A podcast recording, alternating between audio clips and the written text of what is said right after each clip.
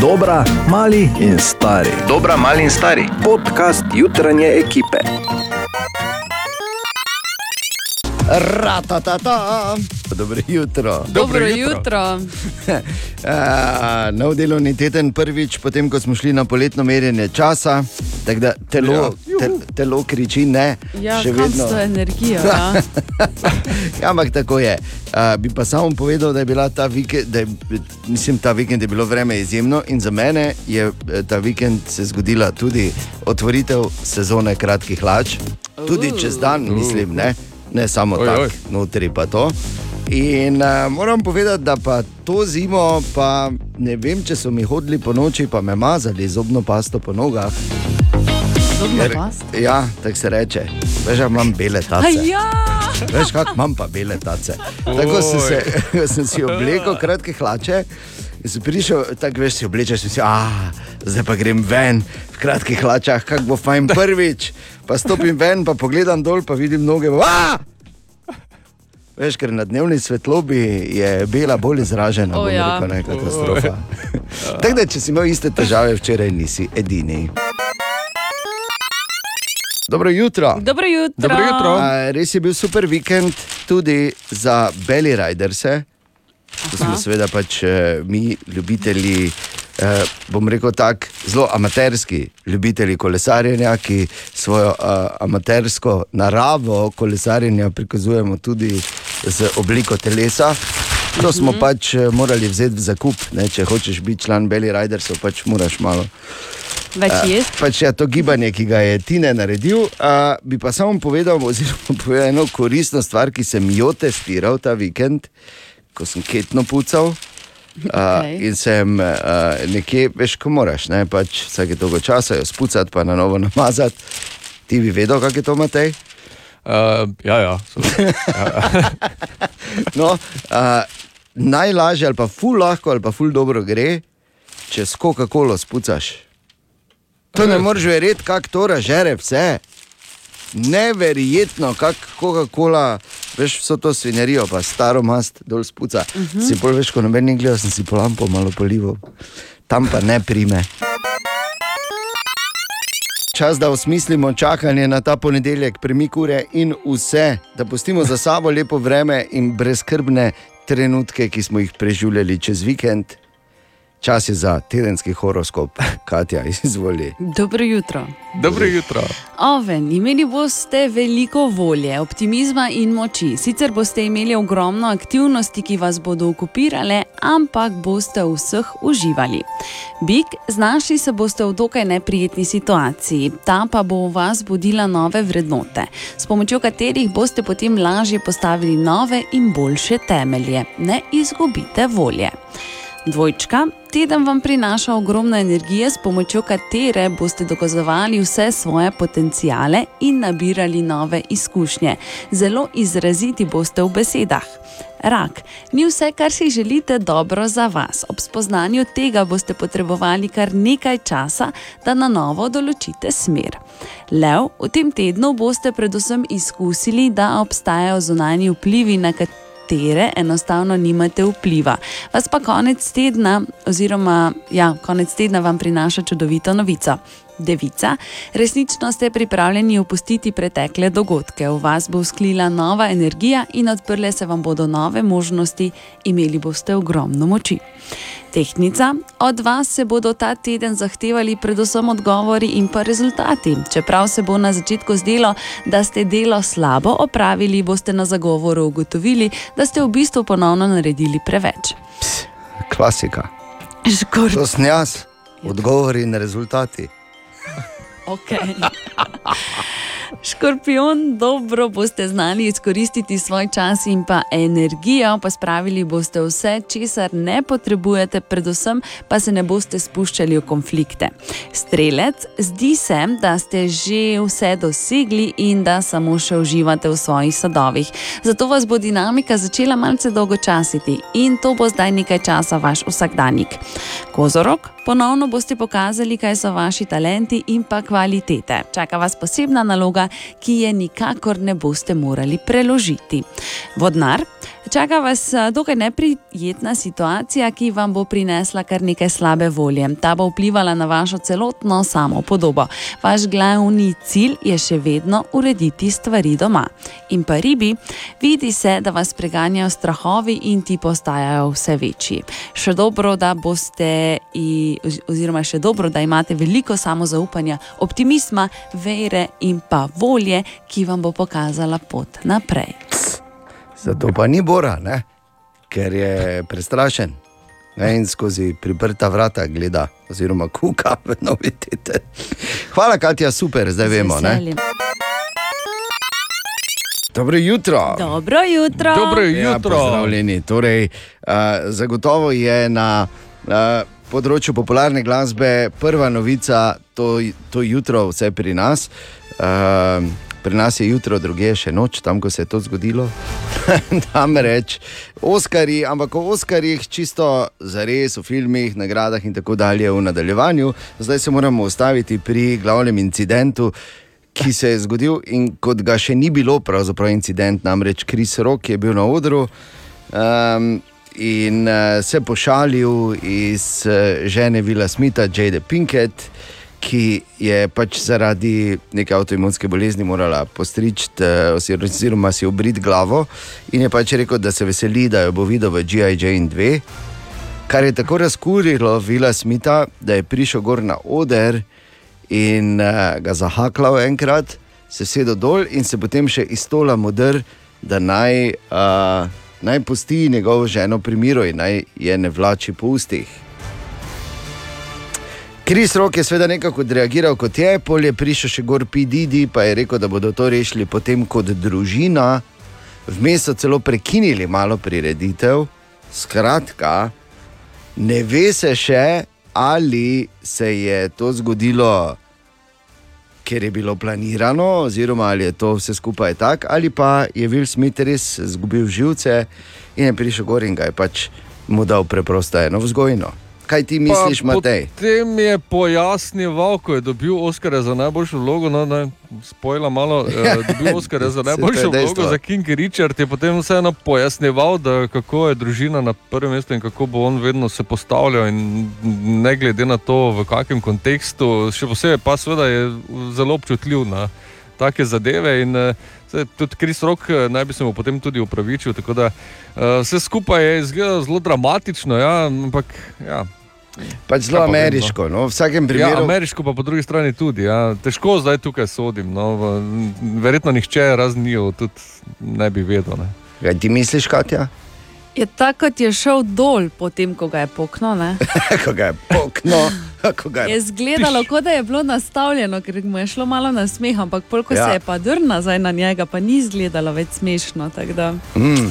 Vseeno je dobil Oskarja za glavno vlogo, kar pomeni, da zna igrati. ne? Ja, ne, saj Ja, to to ravno. Ja. Seveda, ne, ja. To Okay, ja. nikoli ne veš, ali je to bil stand ali je bilo za res. Ampak če je bilo za res, naj samo povem, če se kdaj izvede, da, da je resno na tak način izgubil živce, pa uh, je potem par, uh, par, par stopenj bo padlo no, v mojih očeh, Will Smith, ker na tak način se pač to ne rešuje. Ne? Ker če, Ja. ja. že, če že ne moreš, Ja. to ne narediš na očeh javnosti, to je A in B. Uh, šel bi gor pa samo razložil, zakaj je to tako. In bi Kris rok izpadel popoln bebec. ja, zdaj pa bolj skoraj previlne. Čeprav uh, moram reči, da to smo tudi z Matejem danes zjutraj se pogovarjali, kako pa Kris rok zgleda. ne. Joj, joj, joj, Leta ja. niso milostna do njega, rekel. Ne? Joj. In uh, jaz imam. Samo leta, verjetno. Ne? Ja, no, seveda pa še kaj drugega. Bi pa samo rekel, da Kris Roku, glede na to, da sem videl včeraj, kako izgleda, priporočam eno samo stvar: radio. Morda še ena informacija, če smo a, ravno govorili o Oskarjih. E, ali veste, Katja in Matej, da so Oskarji izgubili z 1 proti 1,7 proti 6 in pol proti? Super Bowlu? Oskarji Izplen, 1,7. misliš? Ne, ne, ne, ne, ne, se bom povedal zakaj. Ampak Aha. gubijo proti Super Bowlu 1,7 proti 6,5. Uh, vem, No, kaj. da je pojasni. Ja, Ziher, oglasi neki. Cena Ne. 30-sekundnega oglasa. A, Na Oskarjih 1,7 Prav, milijona, na Super Bowlu 6 milijonov in pol. Pa daj, pa Ja, še? gled- gledanost Ja, je- bojo morali ti glumači, cene, ne? ti glumači še bojo morali malo, ne bom rekel, švicniti, malo kaj pokazati, ne? da bojo prišli zraven. Ne, ampak je bizarne, bizarne cifre, se brez veze, da se o tem menimo.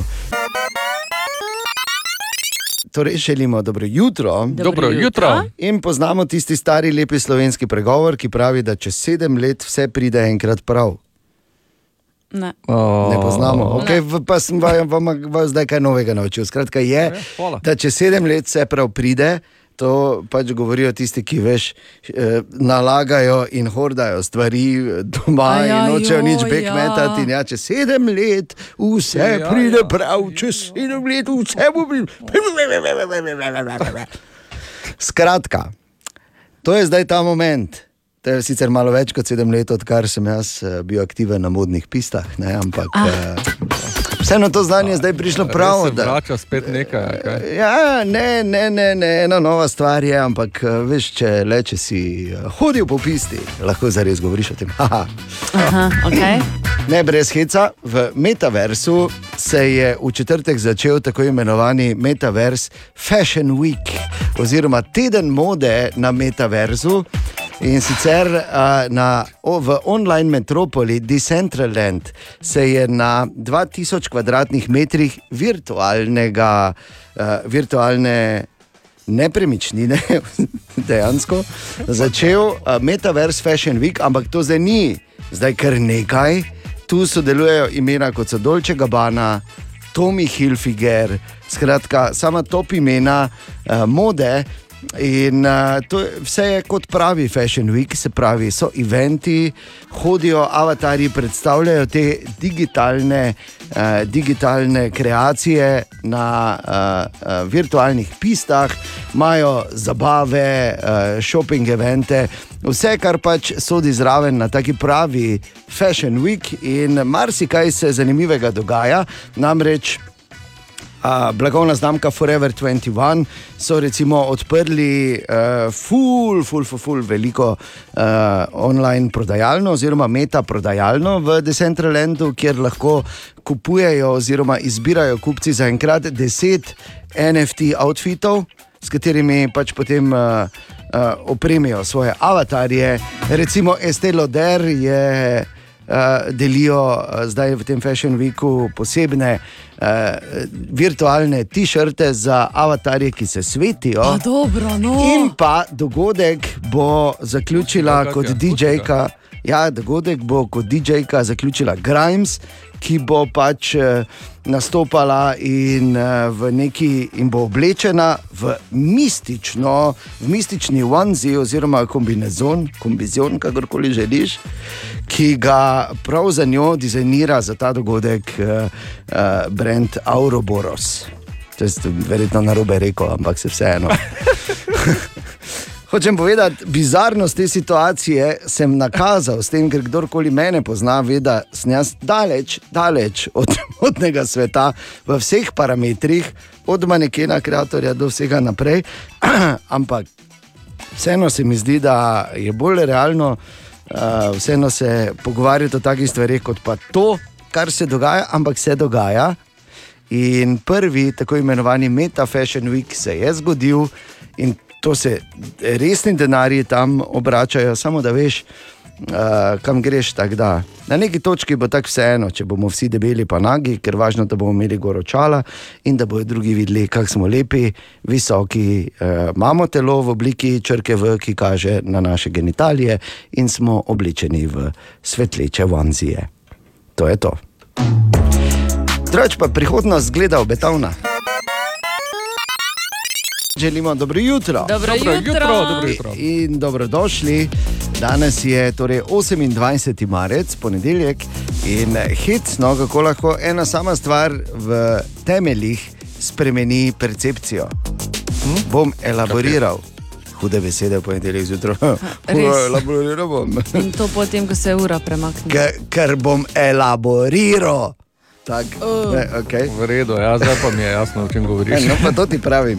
Ne, ampak eh, čisto za res, recimo še, še včeraj ga verjetno ni bilo uh, komedijanta, stand-up komika, ne vem, kakorkoli igralca, ki si ne bi želel, da ko on nastopa, da bi Will Smith sedel v občinstvu. Od včeraj je to povsem drugače. O, Tine! Rečemo običajno, ampak ko gre ti ne na dopust, kar je v tem tednu primer, kaj ne, potem vemo, komu prepusti, eh, da seveda pove nekaj zanimivih dejstev. Meni. Katja, se veš, da je samo, e, samo ena Ja, oseba, pa- je, je seveda ni res. Ja, Kajti samo ena oseba v jutranji ekipi, je, ki je lahko popolnoma zaupa.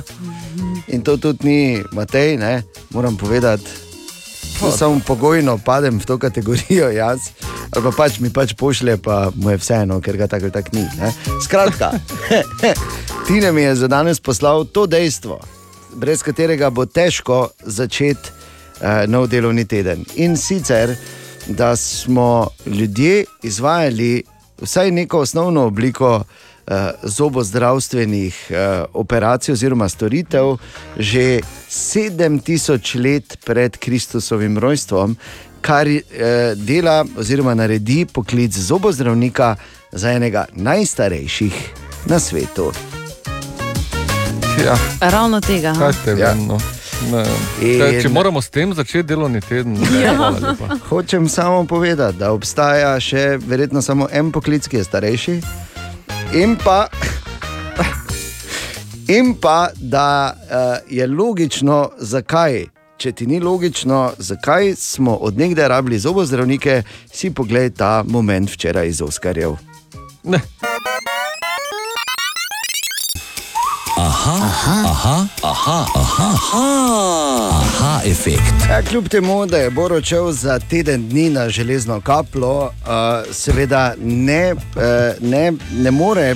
Pač ta njegova novinarska želica mu ne pusti, da bi pustil vprašanja za aha, efekt neodgovorjena. In tako tudi danes zjutraj, ko je v križu pri komendi, odgovarja na vprašanje Sandre, zakaj ta dej v reklami za reporterja Milana reče, da je avstrijski humor malo čuden in če so kakšni avstrijski vici, ki so res čudni.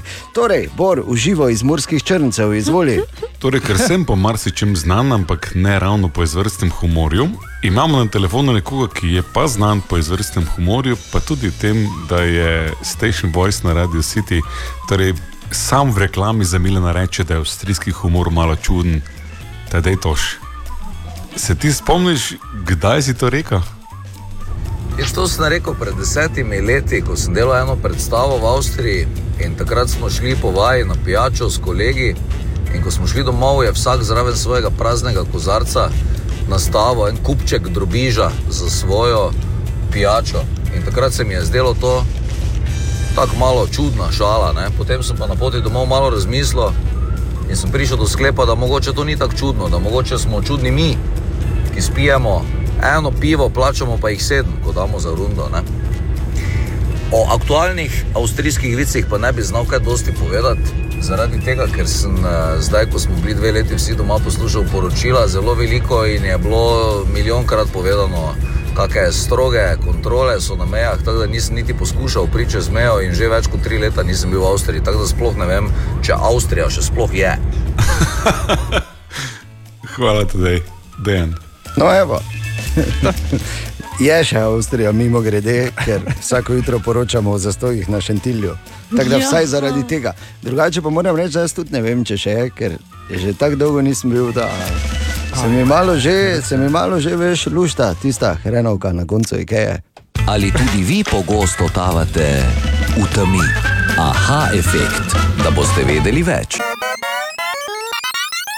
Želimo dobro jutro. Dobro Dobro jutro. jutro. In med listanjem zanimivih naslovov danes zjutraj sem naletel na še eno zanimivo informacijo in sicer, eh, da eh, so ugotovili oziroma dognali ali pa tudi matematično zračunali, da je hitrost zvoka na Marsu počasnejša kot na Zemlji. Tako da vse, kar lahko rečem, je, upam, da zoram predin ne bo šel na Mars.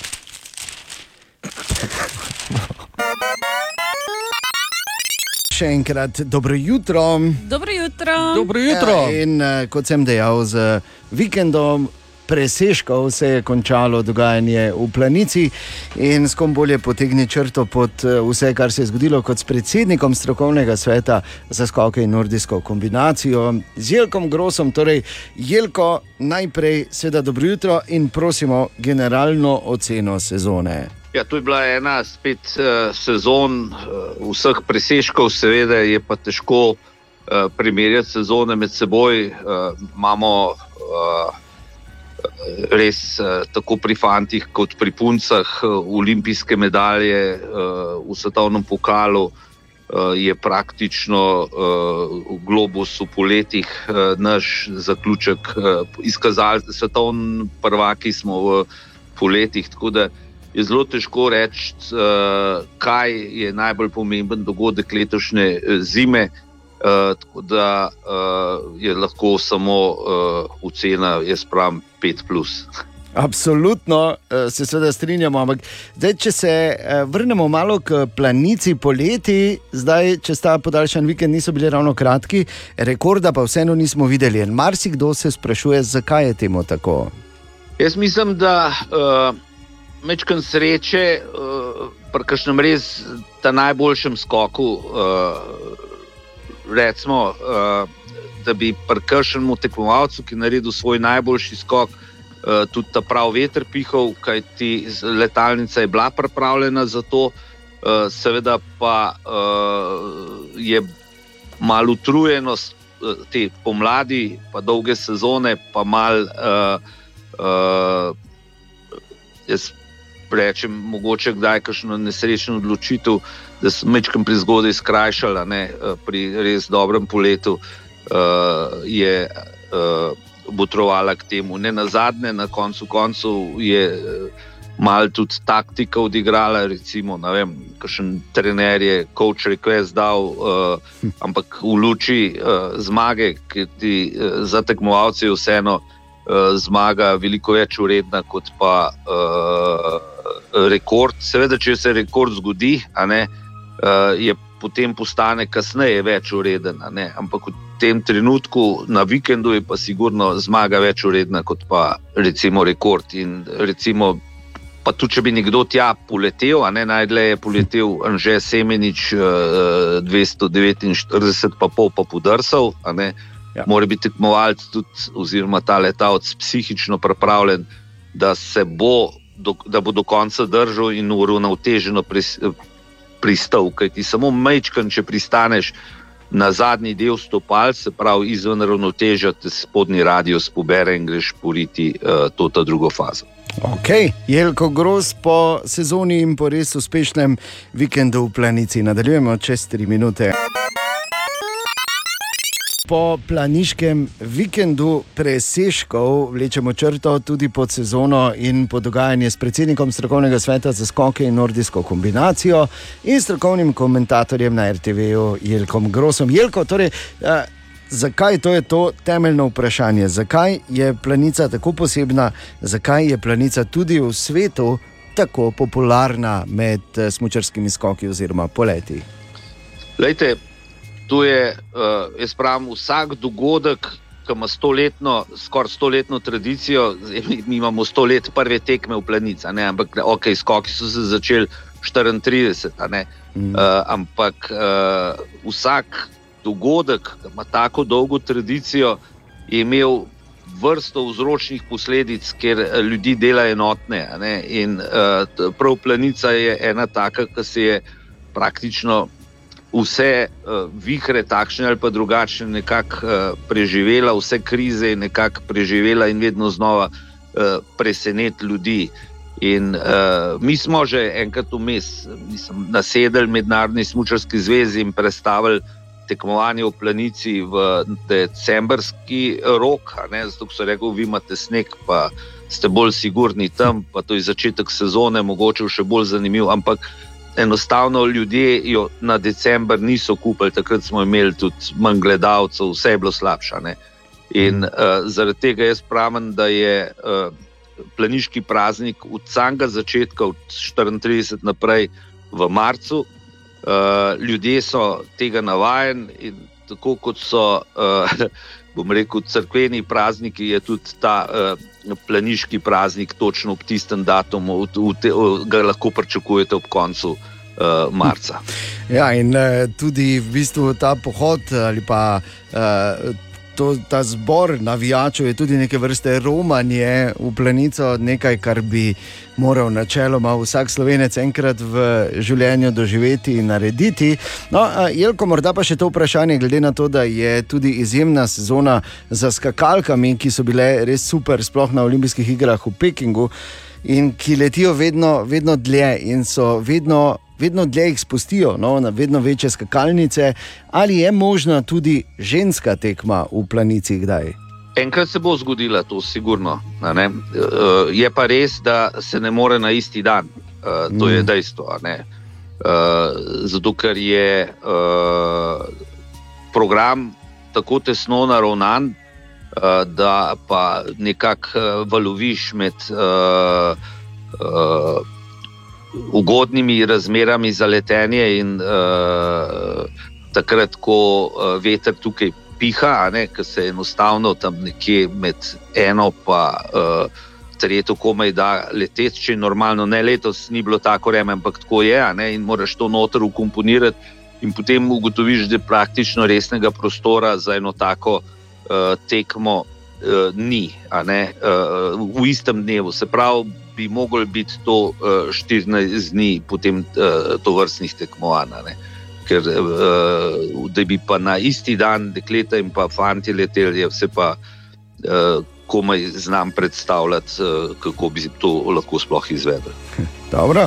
Jelko Gross, torej predsednik strokovnega sveta za skok in nordijsko kombinacijo, hvala lepa za vaš čas in še enkrat čestitke za res izjemno sezono, sicer pa celoten pogovor z Jelkom boste lahko uh, našli tudi na našem SoundCloudu. Še enkrat želimo dobro jutro. Dobro, Dobro jutro. jutro. Se mi zdi, da danes še bolj velja kot pretekle dni, ko smo uro premaknili, tudi Ja, v pol desetih gladko. Bi pa eno, stvar, eno drugo stvar omenil. Pred dnevi je naša draga Katja, cenjena sodelavka, a, imela celo kalvarijo. Tebe gledamo, Katja. Ja, Ne. tebe, tebe gledamo, absolutno, ti si ta, ki je imela celo mini kalvarijo z izdelovanjem nove osebne. Ojoj, moj bog, pa res. In ja. takrat, pazi, takrat sem jaz šele izvedel, da bodo osebne po novem biometrične. Mhm. No. Res je. Matej. Od danes je možno oddati v Sloveniji vlogo za biometrično osebno izkaznico, ki bo seveda precej drugačna, kot je bila dosedanja. E, bo v enem tudi elektronska, kajti imela bo čip, eh, na katerem bosta zapisana biometrična podatka, podoba obraza in dva prstna odtisa, ampak seboval bo tudi kvalificirano potrdilo za elektronski podpis, pa tudi elektronsko identifikacijo, kar načeloma pomeni, da eh, bo lažji dostop do recimo e-uprave in ostalih elektronskih storitev, kajti vsebovala bo tudi QR kodo, ki bo omogočala preverjanje veljavnosti na portalu e-uprava. Eh, Tako da vse skupaj je nekoliko olajšano tudi v smislu eh, poslovanja z državo prek e-uprave. Ehm, Bo pa eh, zdaj ne še takoj, ampak predvidevajo, da konec leta, morda v začetku naslednjega leta, eh, lahko ta nova biometrična osebna izkaznica tudi eh, služila kot zdravstvena izkaznica. Tako da bo to ena taka kartica, vse v enem, bi lahko rekel. No. Sicer obstaja tudi ena slabša stran vsega skupaj. Dražja bo jasno.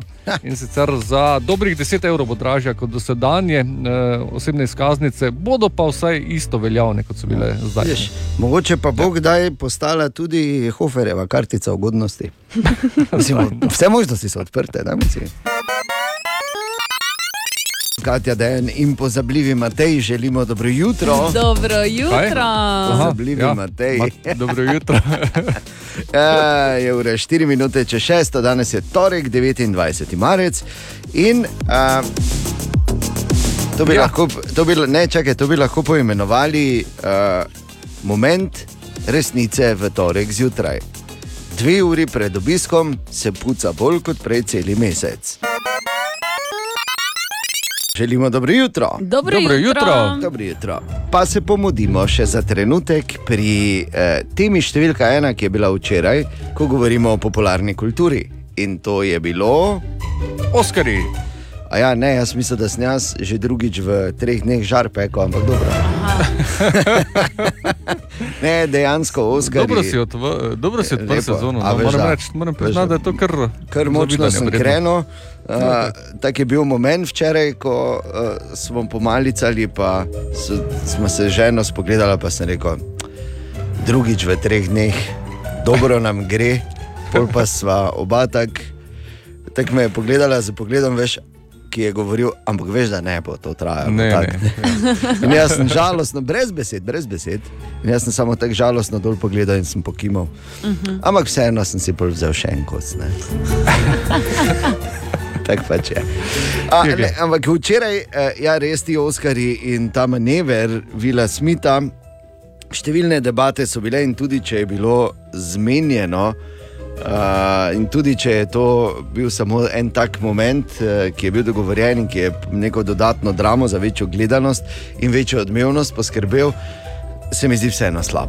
Bi obstajale boljše stvari in bolj inteligentne stvari, ki bi jih eh, lahko naredili, ampak ne spremeni dejstvo, da so se vsi pogovarjali samo o tem, in da marsikdo niti ne ve, da je dejansko Will Smith Oscarja dobil. Ja, Kar je noro. vedo. Vejo, vejo. Ja, nisem tako ziger. Tako da recimo bi se dejansko pogovarjali o tem, kar je Denzel povedal Willu Smithu, uh, ko je uh, dobil Oscarja in sicer mu je rekel, me- meni se je zdel fenomenalen ta nasvet. Uh, in je rekel, ko ti gre najbolje, bodi najprevidnejši, kaj ti ravno takrat pride hudič po te. A? Ja, Denzel ker zdaj že ugiba, ja, marsikdo zdaj že ugiba, ne, kaj bo ta incident pomenil za kariero Vila Smitha. Ne, in, eh, Ja. Mogoče tudi v tej luči, ne, je to svetoval. Res je. Ja, definitivno. Ja. Ja, De- Denzel Washington je eden od vodilnih filozofov, bom rekel, ta trenutek. Ker In- dvomim, dvomim, da bojo šli delati Wild Wild West 2. Ne. To pa res dvomim. No, to tudi ne bi smeli, nekdo dobi to idejo, bi jih mogli v klet zapreti, bi mogel kampuš priti po njega, oziroma ne kampuš fricl. A, Pa samo rekel to, da je eh, zanimivo tudi na teh Oskarjih se je zgodilo tudi prvič, da je kakšna pretočna platforma sproducirala film, ki je dobil Oskarja, Apple TV Plus je ne, bil producent oziroma so naredili mm. film Koda in Koda je dobil Oskarja. In pol se malo razmišljal, kaj pa dejansko je ta korona, ki je ravno to prinesla, ne, tak način konzumacije in distribucije preko pretočnih platform, kaj je ta naredila za filme in pazi zdaj to statistiko. No. Če, in kaj pomeni to za film kot Ja. umetnost? Ja. Kaj ti zdi se, da v kine prihajajo samo še veš, ti veliki Samo blockbusteri, blockbusterji skoraj da, ja. tako o superjunakih in tako dalje. In če primerjaš deset eh, filmov, ki so prinesli največ denarja v kinematografih v letu 2021, in ja. narediš na vzkrižno primerjavo z desetimi filmi, ki so bili nominirani za najboljši film, vidiš, da ni bil niti en med njimi v teh top 10. Aha, In da je vseh deset, ja, in da je vseh deset, Niti Dune. niti Dune ni bil med desetimi, ki so. Uh, No, ti, ja. ja, in Zanimivo. če pogledaš, da je deset nominirancev za najboljši film na teh Oskarjih zaslužilo skupaj manj kot 25 odstotkov tega, kar je zaslužil Spider-Man No Way Home samo v Ameriki. Pol veš, kje dejansko smo. In da Kris Rock ni bil tisti ta pravi, ki bi moral dobiti klofuto od Vila Smita. Ko človek malo polista po naslovih tam zunaj, je, eh, vidiš tudi, da se pripravlja tudi nov način, oziroma bolje povedano, pri Applu pripravljajo nov način, kako bomo prišli do njihovih naprav, tisti, ki bodo ali pa bomo to želeli. Uh -huh. Polovem bodo imeli sistem naročnine. Tako za iPhone, kot za iPade. Recimo, ne? ja. Ja, V kakem in- smislu? Je tako, da boš naročnino plačeval in boš lahko uporabljal telefon. Veš, A, tako je. Nek res- najem ali kaj. Tako, tako, tako kot imaš, pri, eh, kot se pač ti sistemi eh, vzpostavljajo tudi pri mobilnosti na novo. Ne? Eh, Ne, ne še toliko pri nas, ampak v večjih mestih zagotovo. Ah, Tako- phone sharing. Bravo, s tem, da ne boš ti telefona, ne? ker zdaj mi dva skatijo si težko deliva telefon. No, O, ja. ker vemo, ne. Zanimivo bi bilo. jaz, sem- ja, ker jaz čist kot, veš, tako da me Marija gleda, pa si misli, f, Ne, ne, ne, ne, ne kontakte smisla. a ja to. no, se pravi, ne, jaz bi. Ne, ne, ne. ne, ne. Zakaj pa ne? ne. Ti bi mo- kontaktov, Tako, veš, kako bi ti prav prišlo. Drugače pa ja, bi morala, lahko? drugače bi pa ti A meni ja, a ja, pa morala ja. dati uh, telefon, da ga jaz z mojo čistostjo razkužim. Izvoliš. No. Ne, ne, ne. ne, ne. Okay, ampak samo hočem povedati, da je, da je to pač eh, čisto novi eh, sistem, ki se nam obeta in sliši se zanimivo, seveda še ne govorijo o nekih cifrah, ampak Tim Cook, ki je tako ali tako uh, že v bistvu. Se mi zdi, da na vrhu, mislim, težko presežeš njegove rekorde, ne kot CEO.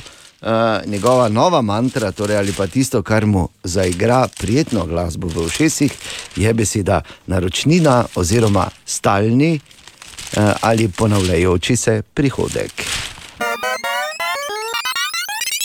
Ena od treh, treh, treh. Jutranji sprehod po zgodovini popularne glasbe. In to je tisti moment, ko se pač ustavimo pri kakem legendarnem glasbeniku oziroma glasbenici ali skupini. Ali pa, seveda bi tu zdaj, če bi bil tu, pa ga na srečo ni v teh dneh, uh, bo rekel ali pa v Boru. Ne? Seveda. Ja. Mislim, brez skrbi. Ampak eh, torej danes bomo govorili o tej, ki bo praznovala že svoj 58. rojstni dan in sicer 58. Tracy Chapman. Tracy oh. Oh. Chapman, ameriška kantautorica, je sicer zanimivo na začetku, oziroma najprej želela postati veterinarka, je eh, recimo tudi študirala, ampak veš, če si ti tak, da še pred diplomo napišeš več kot 200 pesmi. Wow. Polni vrag, da ne bo tu not 5-6 hitov, ne? ker če jih lahko 200, pomeni, da, da moraš imeti, če ne drugače, veliko voljo in željo, ta pa je seveda veliko pomembnejša kot izjemen talent, ki je običajno vedno samo na poti vsemu. In, no, ja, tako ni pač nujno, je. ampak ja. Ja, okej. ja, ja. Ja, Veš, ja. talent brez Ja. dela, to je. Eh, kar dosti šteje. Ja, res to je tako, da bi organ sam hodil, tako la, la, la. se nam moč ni začeti. ne? Ja. In uh, Tracy Chapman je res sploh v 80-ih in 90-ih imela izjemne hite, hite kot so denimo Telling Stories. There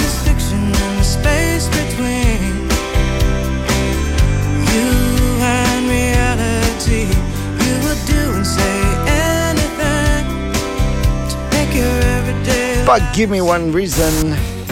Give me one reason to steer, and I'll turn right back around. You can see me turning. Give me one reason to steer, and I'll turn right back. Prekrasno balado Baby Can I Hold You.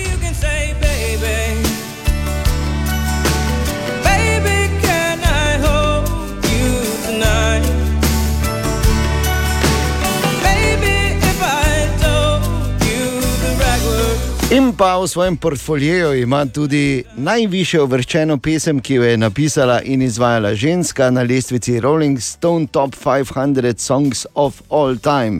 In to je ta hit. Driving, in your car.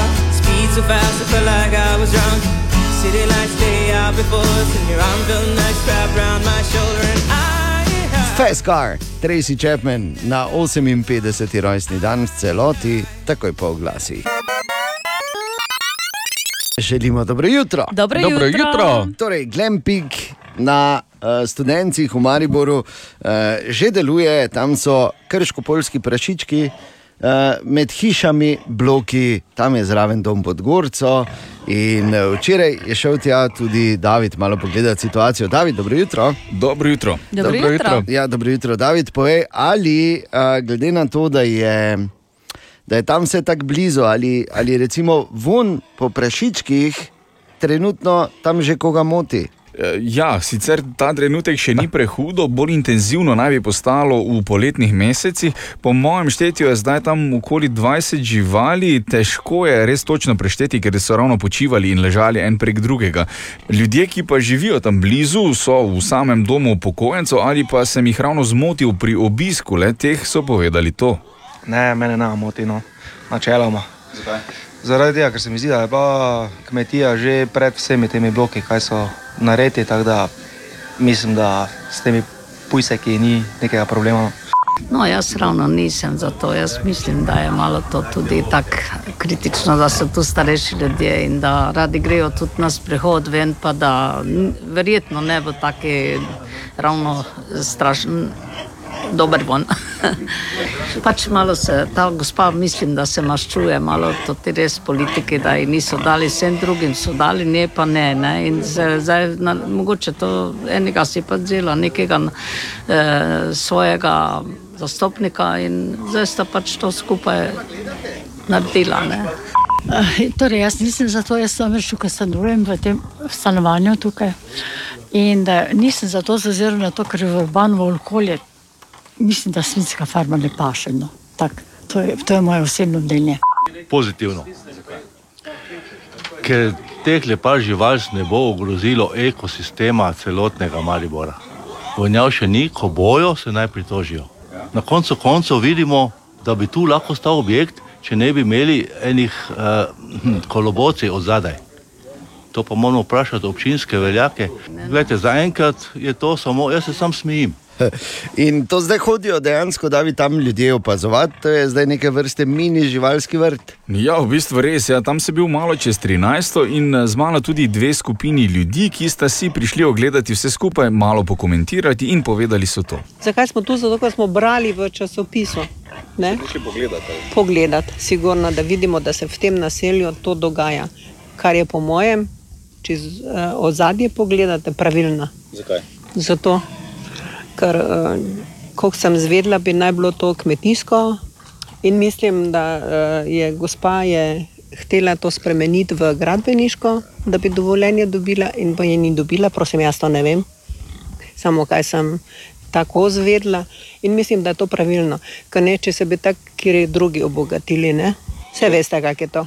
Kaj delam? Opazujem pridobitev na študencih. Ja, kako se vam zdi? Super. Otroci bodo vse spoznali, domače živali, ko jih prej niso. Ja, nekaj jih tu že gleda, ne? tako Ja, ja, spoznavanje narave. dejansko. Ja. Šli smo z otroci na sprehod in eh, vedno je dobro videti, kakšno novo žival. Kaj, ne? kaj smo videli? Kraško-polske prašiče. Tako. Uh, in uh, jaz pa vseeno mislim, da je mogoče pujske bolje gledati, kot pa imeti hišo postavljeno direktno pred obrazom.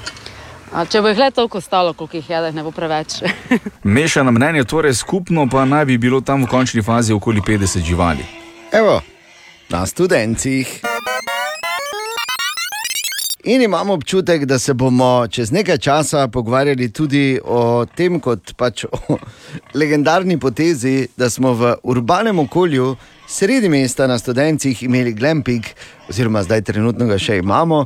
In uh, torej farmo krško-polskih prašičev, naše avtohtone slovenske pasme, tako da uh, lepo. In kot smo že izvedeli, je tam veliko ljudi, ki hodijo gledati. Ljudje imajo različna mnenja glede tega, kar je seveda tudi logično, tako kot glede vsega. Je pa res, da so ti prašički tudi eh, velika atrakcija za otroke. In David, ki je bil tam včeraj, eh, David, ti si tudi otroke srečal, si jih tudi kaj vprašal? Seveda. Če lahko vas vprašam? Ja, kaj delate tu? Um, pač, um, gledamo prašiče, Ja. pa, pa jejo blato. Kraško-polski prašiči so spali, pa tam, zdaj so se pa zbudili. Zbežali. Zbežali so? Hoteli so zbežati, ker, ker si, so malo zbežali, ve. so bili pa vredni. So bili vredno. Ja. Si prvič videl prašiča ali? Prvič, samo sem še jedel na mas. Dobro. Nekaj si hotel reči? Da, um, so pač prvo ležali, ko smo prišli, in potem so, um, ko smo mi prišli, se tako basali, da so zbežali. Zdravo, Bor. Poznali ga? Ja, Odkud pa? zato ker je odatja prijatelj. Mm. Aha. Ja, posod, ne moreš se znebiti. Ne, Ne, ne, moreš. Kako se reče, onemu namazu, da Zaseka. ja, dobro, ker si že videl prašiča. Ne, to je prvič, samo sem pa že namaz. Pardon. Ja. oh, ne moreš prav cukrčki. Tako da odlično, no to je to. Tako da zdaj veš, tam so, če te zanima, verjetno lahko greš pogledat. In uh, pač še ena stvar, po kateri je Maribor neke vrste unikum, ne le v Sloveniji, verjetno tudi širše. O, Tine! Ja, to je ta čas, ko pride Tine in mu rečemo, o, vse z dobro jutro in vse to, ampak Tine je na zasluženem počitku oziroma na dopustu. Tako Tako da je. uživaj, Tine. Tako Tine. O, Tine, uživaj, Tine. Ja. O, Tine, upam, da spiš. In dobro jutro ti želijo tri ja. favšičke. Tako, točno to. Ja. Ampak eh, kljub temu mi je Tine poslal en eh, zajeten kup eh, v bistvu teh zanimivosti, ki jih moram, ali pa me je prosil, no, da jih njegovem imenu povem, kot vedno. In preden povem to, ki mi je poslal za danes, prihaja sicer iz živalskega sveta. Okay. Ampak naj preden povem, dam opozorilo, da je vsaka, ampak čisto vsaka podobnost še s katerim drugim nivojem obstoja na tem planetu zgolj naključna. Okay? Okay. Novost, pra, mislim, ta uh, Tinetova zanimivost za danes pravi. Pouš lahko spi tudi do tri leta, če se znajde v okolju, kjer ni dovolj vlage. Maribor je posebno mesto. Se vsi strinjamo, ne? Ja. Imamo kaj za dodati drugega? Ne. to je to. In evo, vsake toliko nas uh, Jaša Lorenčic spomni, da so stvari, ki so bolj ali manj samo v Mariboru. Jaša, dobro jutro. Zdravo. Dobro jutro. Ne vem za vas, samo meni se zdi, da se v Mariboru vedno najde rešitev. Taka, iznajdljiva, biserna, praktična. Ono, tu in zdaj. In tako je bilo zanič na nabito polno špilo Happy Old McVizzle v MCU v pekarni. Tak nabitem, da si se tak načakal napet, da si ga potem tak fej stegnil na X. Zdaj posledice so jasno jasne. Pritisnilo te je na hajzl. V oni gužvi, ko si imel srečo, če si sploh stal na dveh nogah, po možnosti svojih. Zdaj, ker smo stali bolj zadaj, si na podovecija lahko gladko pozabil. Opcije sta bili ali po stropu, ali pa kopanje tunela. Ampak vedno se najde, jaz ne bi rekel tretja, ampak bolj XY ali pa bžnjo opcija. Zadaj je namreč okno, ki pa je, če bi skočil skozi, kakih vsaj dober meter od tal. Dva tipa sta videla moje muke. Pa je šel prvi, odprl okno in suvereno prijavil, stari mašti to. Mhm, imam jaz to, ja, pri mojih kilah. Ker imamo mari borčani radar za tremo, je drugi pač moje cincanje opazil, mi pomežiknil, pa zakričal v onem hrupu, pa je stari, no, nič lažjega, glej. Z desno nogo je stopil na polico, počepnil ter skočil na kakšna dva metra oddaljeno drevo, se prijel z roko za vejo, skočil na neko drugo streho ali neki kup ali karkoli, vmes pomahal in potem mehko v telemarku pristal. Kaj te čakaš? mi je še rekel ta avtor XY za opcije. Kaj čakam? Na rešilca pa gasilce. Ja, samo v Mariboru. ja, definitivno samo v Mariboru. Najprej dobro jutro. Dobro jutro. In običajno je tu naš tako imenovani priljubljeni jutranji segment izborove špajze. Ampak, ker je Bor seveda ta trenutek, eh, kot smo rekli, v vratljah in eh, ta teden pač eh, ga ni, eh, bomo pač izkoristili eh, ta termin oziroma ta naš priljubljeni jutranji segment za to, da spomnimo na brezčasne besede in modrosti Bora Grajnerja. Okay. Ne? In tu je že prva. In sicer, kadarkoli komu ne verjameš, uporabi to strokovno, empirično misel Bora Grajnerja oziroma besede Bora. Pokaži mi ga, prosim. Okay. Tako. Še enkrat, dobro jutro. Dobro jutro. Dobro jutro. Ja, ena od teh novic, ki so včeraj, uh, bom rekel, tako odjeknile v našem mestu, je tudi ta, da v novem koledarju FISA, oziroma v koledarju FISA za naslednjo sezono, ni več uh, dirke oziroma tekme za zlato lisico v koledarju.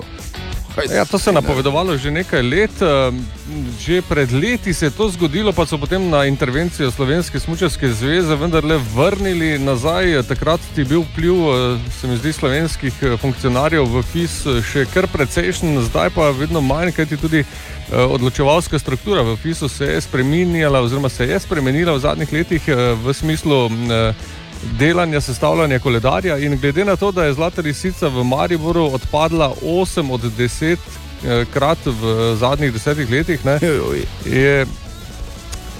Ne vem, no, Kar ne. eh, težko je imeti proti argumente. No, Ja, res je. Ne glede na to, da bi mi to imeli, samo ja. se veš, mi bi imeli marsikaj, pa ne moremo. Ne? Ja. Na splošno je tako, ampak na to temo smo recimo govorili tudi z legendarnim uh, mariborskim uh, smučarskim. Pa, s- smučarskim delavcem, to je taki izraz čuden, z, legendar, z legendo slovenskega smučanja, Tonetom Vogrincem. To je katastrofa, ne? to je katastrofa in to bo zdaj še zelo velika težava, ev- eventualno spremeniti odločitev predsednika Mednarodne smučarske zveze, ki si je vzel to pravico, da sam dela koledarje mimo obeh direktorjev svetovnega pokala ali pa za premalo komunikacije z njimi in da jim pade na pamet, da prireditev, ki je, ima več kot 50 let tradicije, enostavno zbriše za koledarja, se mi zdi nesprejemljivo. Je pa seveda res, da smo delno tudi mi v Mariboru sami krivi, večkrat tudi ne zaradi vremena, tudi zaradi slabše organiziranosti pri zasneževanju. V zadnjih desetih letih samo trikrat merili v Mariboru in to da nekaterim tudi razmisliti, ali je, je to normalno. ne. Tako da smo malo smo krivi, ampak kljub temu je pa pozitivno za Maribor, da nikoli tekma ni odpadla, oziroma na perfektno sodelovanje s Kranjsko goro so tekme v najkrajšem možnem času, ko bi druge v Avstriji, Italiji enostavno tekmo povedali, je Maribor za Kranjsko goro bil v stanju nadomestno tekmo napraviti na vrhunskem nivoju, vsa ta leta. Ne, in, in, in predvsem to je pomembno, da tekma nikoli ni odpadla. Nikoli. Še v starih časih smo šli enkrat na domestno tekmo delati v Badgastajnu, enkrat pa v Sarajevu. To je, to je gotov plus za mariborske organizatorje, ki so tudi v najtežjih situacijah tekmo izpeljali tudi na drugih smočiščih. Zdaj, kako se bo to razrešilo? Mislim, da zdaj nihče od organizatorjev kot takih nima pravega pristopa do predsednika Mednarodne smučarske zveze, ki, ki ima občutek, tako se mi zdi, da on misli, da se je smučarija z njim začela. Smučarija stara več kot sto let. Ne?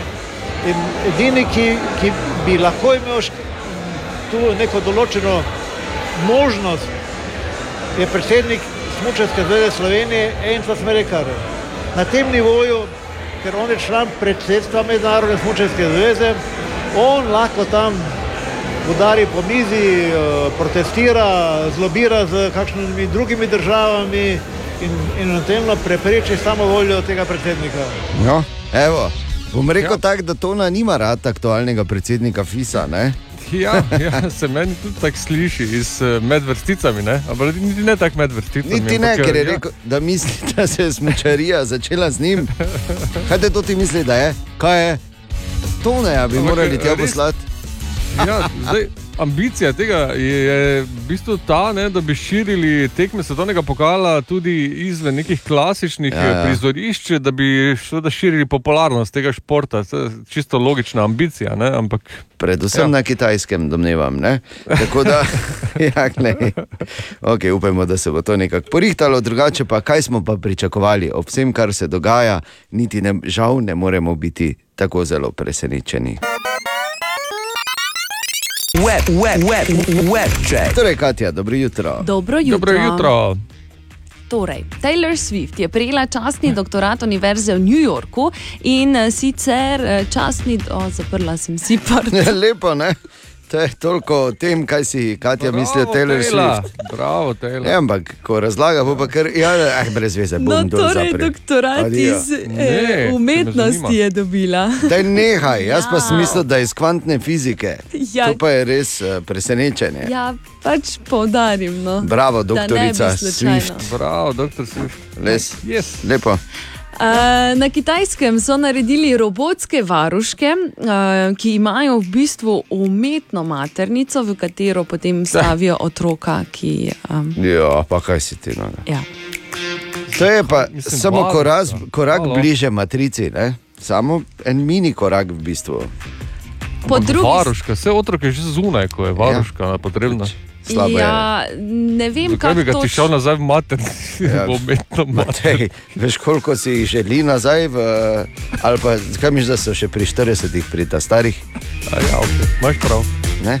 Okay. Okay, Kitajci. Ja. Kitajci. Potem po drugi strani ameriški biotehnologi se ukvarjajo s tem, kako naj bi um, mačkam odvzeli ta gen, ki pri ljudeh povzroča alergije.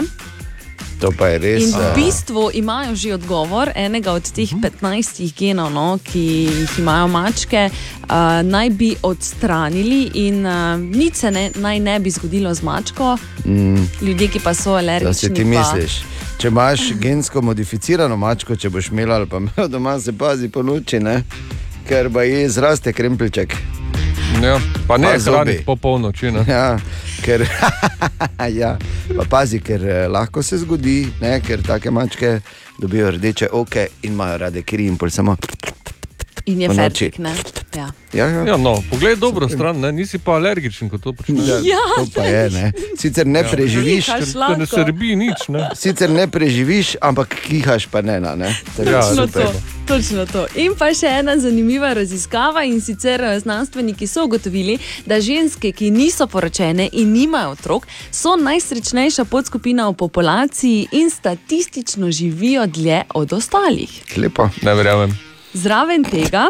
Raziskava še govori, da so poročeni ljudje bolj srečni od drugih podskupin družbe, vendar le in samo, če je njihov zakonec v prostoru, medtem ko odgovarjajo na ta vprašanja. ja, ker Ja. želijo raje, raje si navidezno srečen, kot pa dejansko mrtev. Štiri minute pred pol sedmo. Webcheck. Želimo dobro jutro. Dobro Dobro jutro. Poznamo tisti, uh, bomo rekli, novodobni pregovor oziroma tisto razmišljanje, ki govori, da bodo roboti najprej vzeli naše službe, pol pa nas bodo ubili. Ne? Ne, ne morejo. Sveda ne Zato, ker morejo. eh, robotski zakon jim to Ja. preprečuje. Hvala Iza Kasimov. Ampak Tako. eh, kdo je rekel, da bodo inkorporirali noter te zakone in pozor, če so tako pametni, ali miš, da pač ne znajo zbrisati teh Ja, zakonov. fulce bodo. Glede na vse to, ja. so deliti hobala. Ja, ja. Ne verjameš, ne? Ne. Redo, redo. Ja, ampak eh, zanimivo. Ja, ne, ne, nima veze z roboti, to, kar nameravam ja, povedati. okej. Ampak eh, je pa ena zanimiva informacija. Ugotovili so eh, zgornjo mejo tega klasičnega računalništva, oziroma hitrosti v klasičnem računalništvu.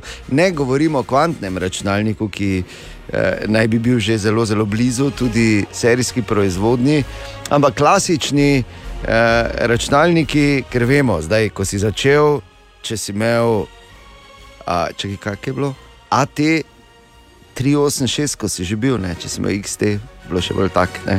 Ja. Spomniš te prve procesorje, Matej? Ne, te, mm. XT, AT 286, pa to. Ja. Potem so prišli Pentiumi in zdaj je to šlo že v jasno, da procesorje 12. generacije, ki eh, dirkajo z neverjetno hitrostjo. No, zgornja meja naj bi bil tako imenovani petahertz. To je približno samo, da vemo za primerjavo. 100 tisočkrat hitreje kot uh, laufajo računalniki danes, ampak seveda gre za teoretično uh, zgornjo mejo, da ne bi kdo mislil, oziroma si že delal kalkulacije, kako bo hitro lahko eh, buildal v Fortniteu. Ali Ne? pa Bitcoin, da, Ali pa Bitcoin je majnal. Ja. Uh, to je seveda, bo, bo se približalo recimo, temu, ali pa recimo, ne vem, bo en- ena desetina tega, te številke, ampak tako hitro nikoli ne bo šlo. Ampak pravijo, da je to zgornja meja za kontrolirane optoelektronske procese. Bah. Že te, te tujke, ne? Penta, pa ja. opta, pa. Tako. No, No, to, samo- to za nalašč počnejo, ne? da, ja, ne bi, da bi še manj vedeli. Ne? Tako, kot, ravno smisla reči, da je in tudi prava ura je za uporabljanje takih izrazov, 20 minut predvsem. Mislim, ko se zbudiš zjutraj, pa rečeš, oh, danes bom pa oh, o kontroliranih optoelektronskih procesih malo razmišljal. ne." Mhm, točno to si Ja. rečeš zjutraj. Ja. A, kaj si že moram obleči? Pa dobro jutro. Dobro jutro. jutro. Dobro jutro in dobrodošli. Dobro jutro. A, ko sem danes zjutraj malo listal po naslovih, sem našel tega, pa zdaj ne vem. A, v petek, ko je 1. april, bi naj bil prvi popularni late night shopping v Evroparku. Ja, do polnoči. že- Ja, samo malo. 1. april je, veš. Ja. Da ne, da ne bomo spet mi dva prišla, ki hodimo skupaj na late night shopping, seveda že vsa ta leta a, in sva od začetka do konca, seveda da. Da ne bova prišla tja ob 8 ali 9, pa zaprta vrata, pa bo gor pisalo 1. april. Ha! Da, a, ja. Kak naj to zdaj, ko bo verjame človek? Ne, ne verjamem. To ti pravim. In pol, kako bova mi dva, ki recimo redno hodiva na night shopping, mi dva z Matejem, ne, v eno v bistvu, in smo od začetka do konca tam in ful šampigniramo in hodimo in gledamo ful izložbe in poskušava si stvari gor. Uh, kako pol razloži doma, ne, kje sta bila na night shoppingu, ne, ker je 1. april, ne verjamemo. Mislim, samo potencijalne težave, mislim, razlagam. Mislim, ne bi bilo prvič, da bi to slišal, ko priješ domov. Ne? Ja, mislim, vse veš. To so te zgodbe. Aha, gremo smo naprej. Šest, minut. ja, samo eno pivo.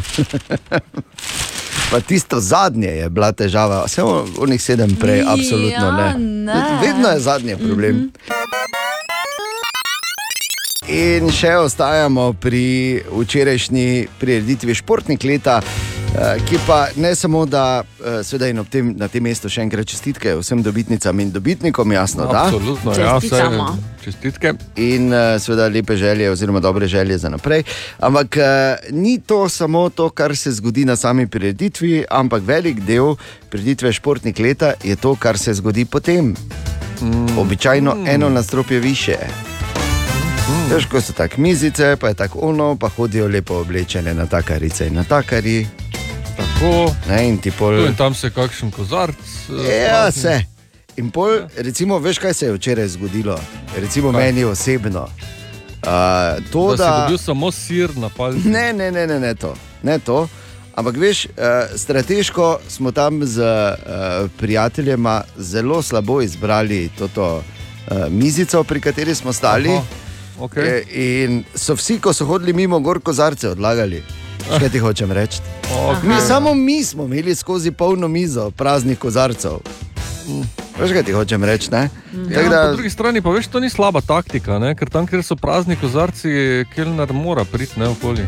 Ja, se pride, samo pač, veš, ko je velika gneča, pa Ja. ne more vedno. Ja. Ne? In, in smo Ja. tako pogledali, smo rekli, pa kaj smo res mi največji trotli.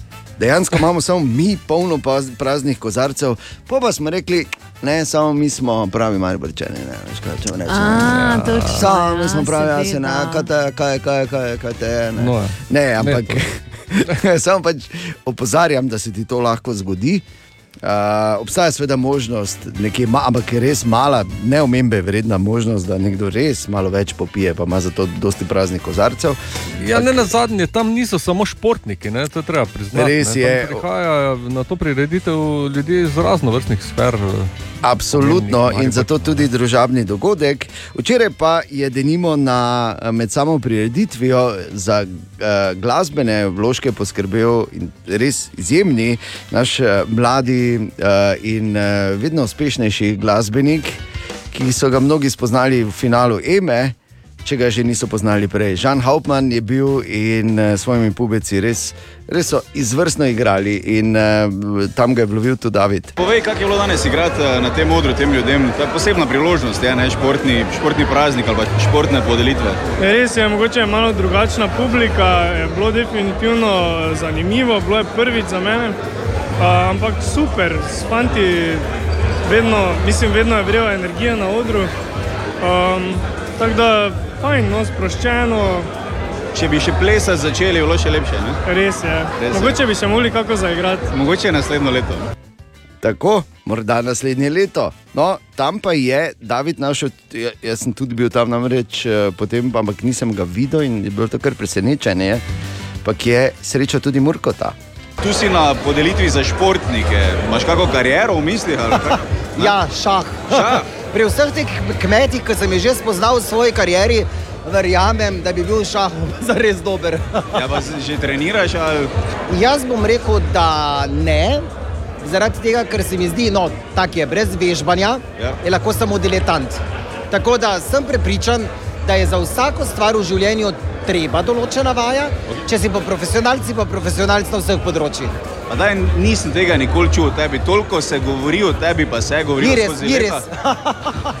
Ampak si imel kdaj kakšno športno kariero v mislih? Mislim, kolesarim pa plavam zelo rad. Ampak zdaj, da bi pa bil perfekten v tem, to pa spet ne. Ja, nisi imel te želje.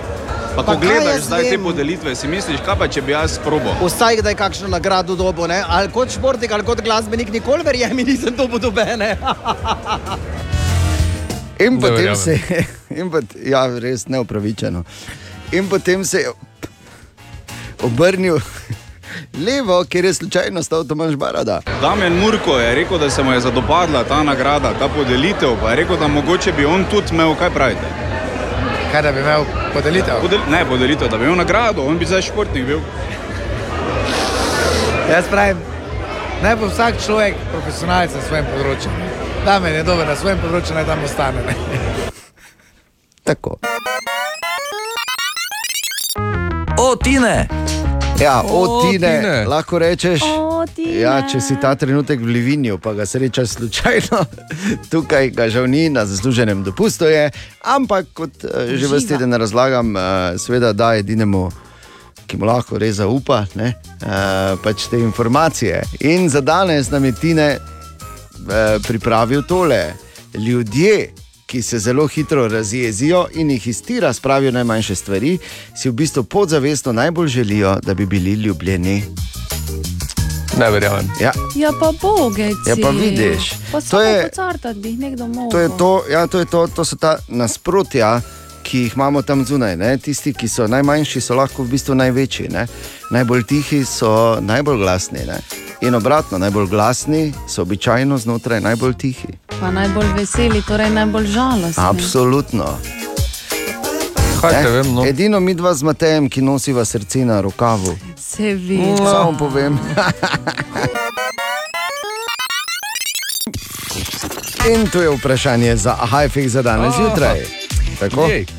Pisal nam je Miran, ki ga zanima, zakaj se morske vode ne da filtrirati in potem uporablja, da bi jo potem ponovno uporabili v sušnih obdobjih. Okay. Ja, danes bi jaz, jaz, jaz, jaz. jaz. žal, žal Matej, uh, vse si fajn, pa vse. Ampak, se veš, Ja, Bor je šel na dopust ja. v Bohinjsko Belo in če ga, nam ga bo res uh, uspelo dejansko ne, uh, v, v vas izbuditi, potem bomo ne, Mogoče dobili. tako v. Recimo, spodnjega porčiča. Takoj potem. Aha, aha, aha, aha, aha, aha, aha efekt. In v Hajfektu Bor iz živo iz eh, Mislinske Dobrave odgovarja Miranu, zakaj se morske vode ne filtrira in uporablja v sušnih obdobjih. Bor, izvoli. Zdravo, Dejan, oh. lepo zdrav studio.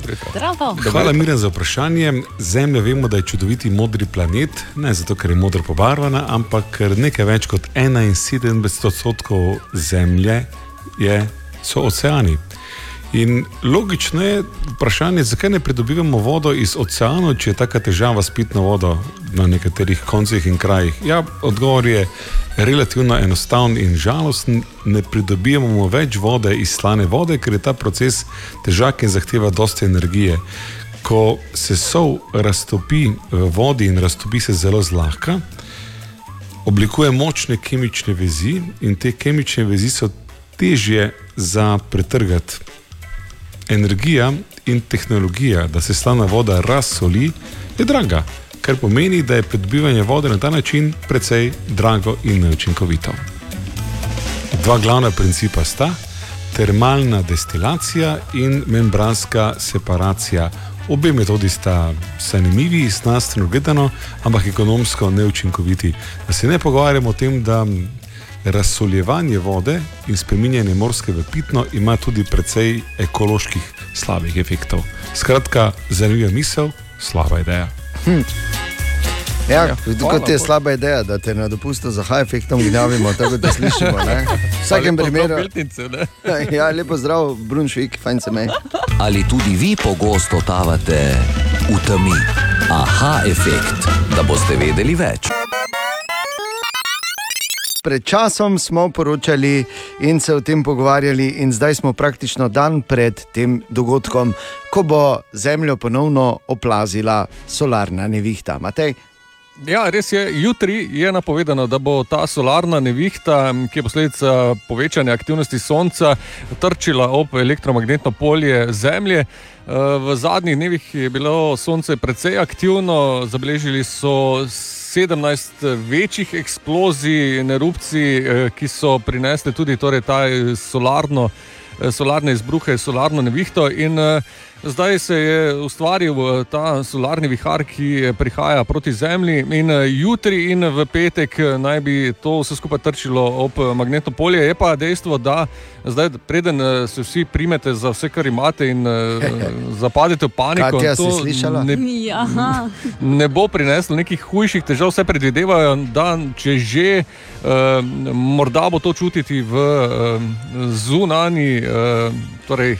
Recimo tam, kjer so sateliti, in tako naprej, ampak tudi za eh, sama električna omrežja in za satelite eh, ni za pričakovati nekih večjih težav. Eh, bodo pa eh, seveda posledice vidne na nebu, kajti eh, predvsem eh, na eh, nekih eh, višjih eh, geografskih širinah eh, bo pa vidna eh, ta. Polarna, polarna luč in uh, tako Aurora borealis? Ja, zelo uh, lep severni si. Oh. Recimo od Kopenhagna ali pa od Edinburgha navzgor. A ja, ok. Ja, no, Smisel, da mislim, boš, če ima kdo, ne, da boš možnost- rekel od Črne na do Koroške. Kopenhagna, da, dobro. Nekje do petka prideš. Z nekaj sreče, če ni zastojev, prevelikih okoli Minina. Okay, Okej. v vsakem primeru, tudi če slišiš to impozantno novico, ne pomeni neke resnejše nevarnosti, razen če si pač. eh, Katja, ne? Razen če si predčerajšnjim gledal Geostorm ne, na televiziji. Ja, polje, polje lahko to težava. Ali pa če si prenos uh, nekih podatkov ali energije v višjih legah zemeljskega ozračja. Seveda želimo dobro jutro. Dobro Dobro jutro. jutro. Dobro jutro. In uh, še en zanimiv naslov, ki se prebere. Danes zjutraj in sicer, da v Mariboru prihaja nova osnovna šola, ki spodbuja vzgojo, vzgojo za življenje. Oh. In vidiš, kako se časi spreminjajo.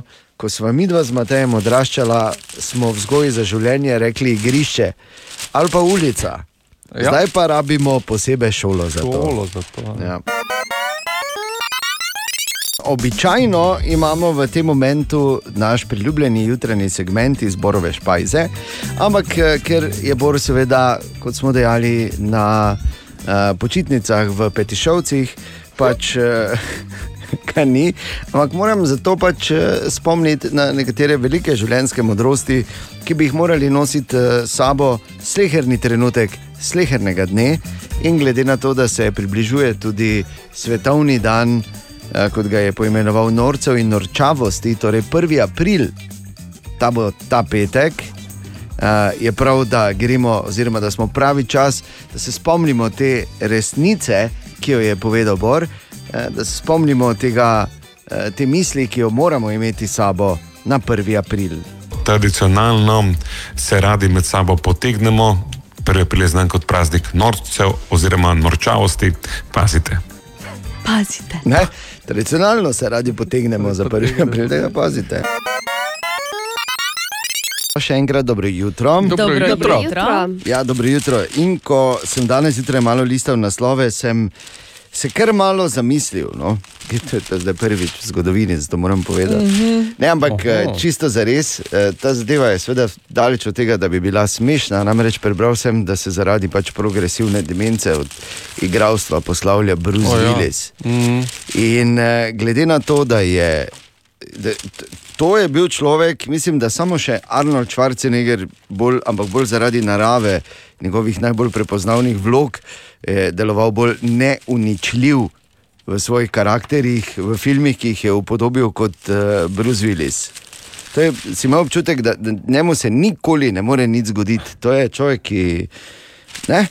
Matej, V bistvu popravi se- me pa- pa kadarkoli. ni- Ja, mislim, vse se mu je dogajalo, ne, ampak vedno je vse Ja, ja, preživel. Ne, pa, on je bil, veš, tisto Arnold Schwarzenegger, vedno brez praske. Ne, medtem On pa celi krvavi. Pa zmečkan, prežvekan, eh, potovčen. eh, ne Vse vem, živo. ne, Mislim, da je hard samo kot primer, recimo, Ja. ja. pa Last Boy Scout ali pa kaj podobnega. Tako, to sta John- z njim delali. Ne? John McClane in Joe Hellenbeck sta recimo v teh dveh filmih ta n- nesmrtna ja. karakterja, pa recimo Harry Stamper v filmu Armageddon, mm. Mhm. eh, neverjetno, Majki v Luhu Stalking. To ne smemo pozabiti. To je, Dobro, to je dobro. tako najbolj nekako ne paše, ampak dober je bil.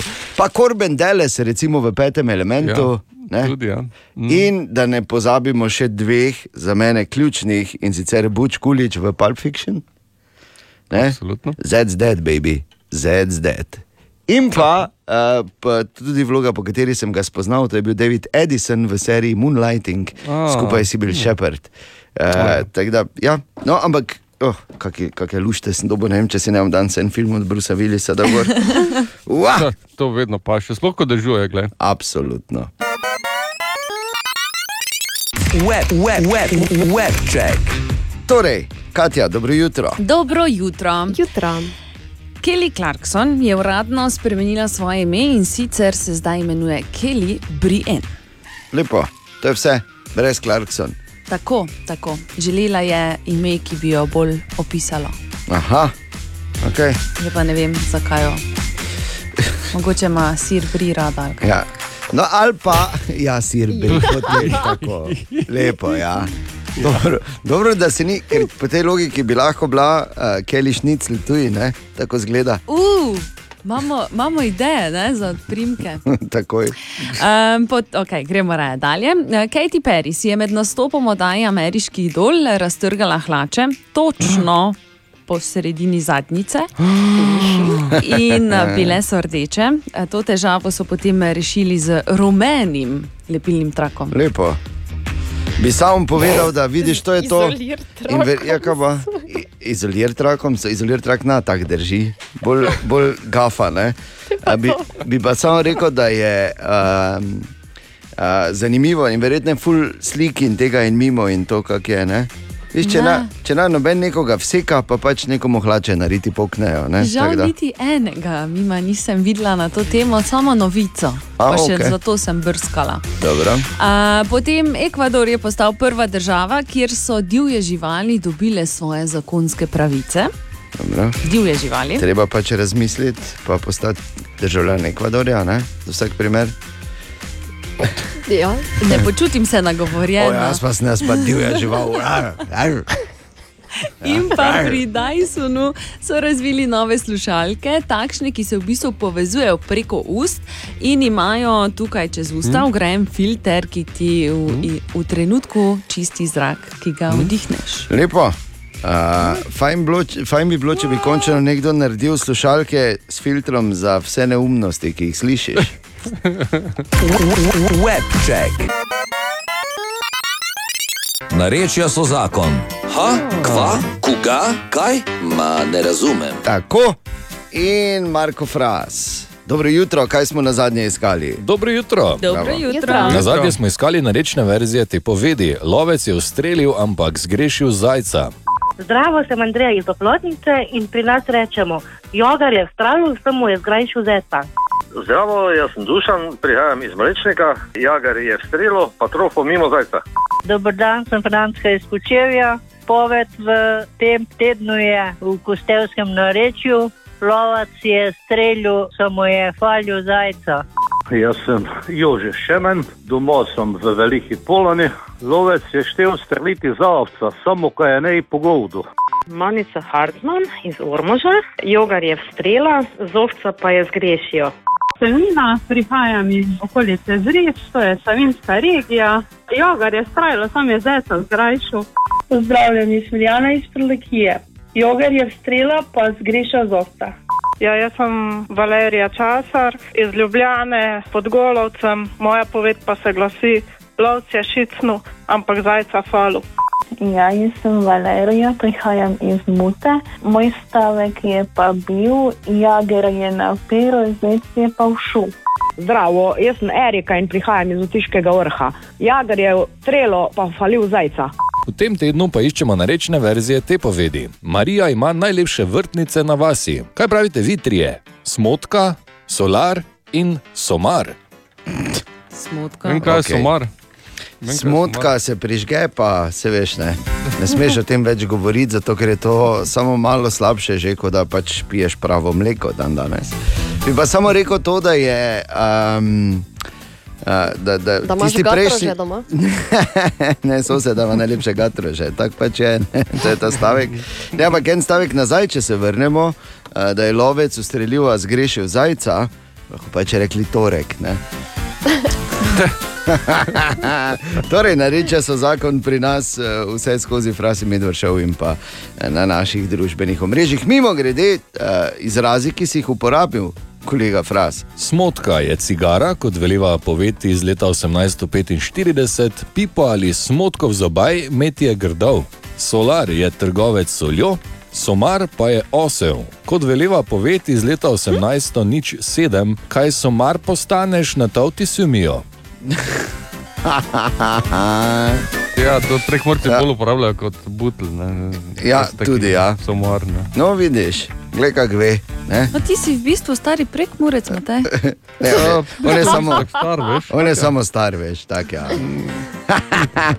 Dodal bi samo še, da uh, ne pozabi, da je uh, Martin Krpan po tem, kar, kar velevajo besede Marka Frasa, če upravim ta izraz, bil v bistvu uh, solar v svojem osnovnem poklicu.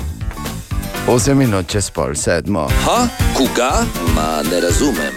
Narečja so zakon. Ena od treh, treh, treh. Jutranji sprehod po zgodovini popularne glasbe. In tako se danes, na 31. marca, moramo ustaviti pri enem od najbolj ikoničnih eh, kitaristov v zgodovini popularne glasbe, ki danes praznuje 67. rojstni dan. Angus Young. Oh, yes. ACDC. To je ta klasični bend, ki eh, ga je sicer v Avstraliji eh, ustanovil na škotskem rojeni Angus. In Angus je eden od tudi, bomo rekli, precej atipičnih glasbenikov, ker jasno, če hočeš narediti tako kariero, take hite, take solote, moraš biti malo drugačen. To je seveda dejstvo. Navadni tega ne moremo. In Angus je, zakaj se on oblači v šolarčka, ne, to je pač ta šolska uniforma, je ta, ki ga definira praktično skozi vso kariero. Mogoče zato, ker nikoli ni dokončal šole. Mogoče. Je, mogoče je pač njegova šola življenja. Se ne, ne da jo mora, ne, ampak. Mogoče tudi zato, ker eh, je eden redkih, ki pravijo, da je najlažje igrati solo. Kar eh, vemo, da je. Ja, on pravi, da je to najlažje. Kar vemo, da eh, glasbeniki načeloma razmišljajo, da je to najtežje, odvisno seveda. Ja, Seveda. In pa da. Če bi vprašali nek... onega včeraj, nekaj resen dan. ja, recimo. In pa um, je, recimo, kljub temu, da je eden od, uh, ena od največjih legend v zgodovini rock'n'rolla, recimo, sploh ne pije alkohola, ampak ima zelo rad čokoladno mleko. Ja, pa Je pride. pa vreden, ne? Je lepo, tako pa na slamico. pred nastopom. Ja, ko se ga vsi ostali, ko grejo Za do, razliko od ostalih ja, članov ko benda. Grejo grejo, skozi vse. ne. grejo do posranega, on pa lepo s čokoladnim mlekom. Tak, No. Z ono rjavo kravico, veš, na Ja. tetrapaku. No, pretiravamo, verjetno ne, ni tako, ampak eh, kar je pomembno, Angus je res pustil za sabo in seveda še ni končal ogromno legendarnih hitov. Cause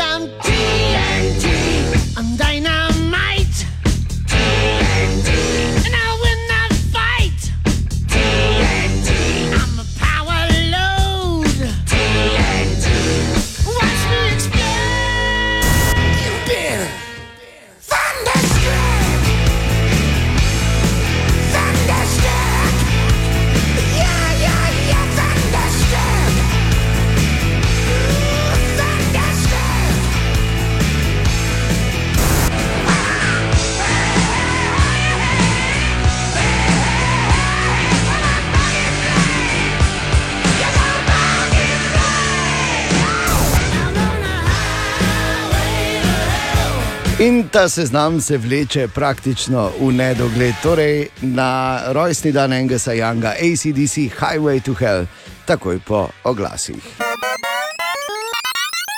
Na tem pa smo, oziroma uh, smo jo že vsaj za nekaj časa izgubili, našo legendarno zlato lisico. Vprašanje, ali zavedno o tem govorimo z direktorjem Smučarske zveze Slovenije, Urošem Zupanom. Torej, uh, kaj bi torej dejansko morali narediti, če bi želeli, da se lisica vrne in da vseeno ostane v našem mestu? od te proge B do pač, eh, posodobljanja tehničnega zasneževanja, bo pa to sigurno nek dodaten signal, ki, ki ga bo FIS potem prepoznal in verjamem, da ko bojo te zadeve izpolnjene, da, da, da s tradicijo, ki jo imamo, tudi z močjo, ki jo vse imamo na, Mednarodni smučarski zvezi, eh, to zagotavljamo v bodoče. Ne. Tako da je to nek, da rečem, rumeni karton ne, vsem nam, mm, da dejansko pokažemo, da se zgodijo tiste stvari, ki bojo zagotavljale um, izvedbo, ne samo obljube. Ne. Dejstvo pa seveda tudi je, da ima FIS načrte, vsaj tako se zdi, razširiti popularnost uh, smučanja tudi na druge, bomo rekli, uh, ne tako konvencionalne trge. Ne na zadnje tudi so zadnje olimpijske igre v Pekingu odprle pot na Kitajsko. Je tudi tu morda uh, za iskati razlog. Zaenkrat se o tem veliko govori, uradnega ni pa še nič. Ne. Dejstvo je, da si želi uh, nov predsednik FIS uh, širiti tekme in s tem tudi popularizirati naš šport v državah, ki do zdaj tega tam ni bilo. Ne. Recimo, omenja se Kitajska, omenja se Južna Amerika v teh naših poletnih, jesenskih mesecih, ko imajo tam zimo. Ne. Uh, omenja se tudi druge države, ampak uh, mislim, da v, v tej sezoni ne, ne. To, kar smo mi do zdaj slišali v tej sezoni, ni to v igri.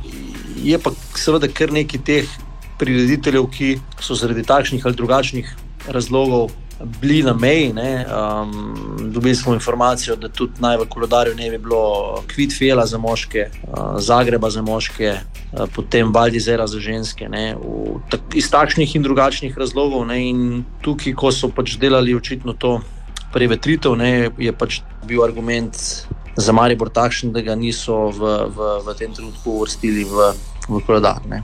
Kot rečeno, no, mi smo takoj pač z vsemi argumenti poskušali prepričati tako vodstvo FIS, kot tudi samega direktorja Svetovnega pokala za ženske, kakšen bo pa zdaj pač epilog, pa a, bomo videli. No.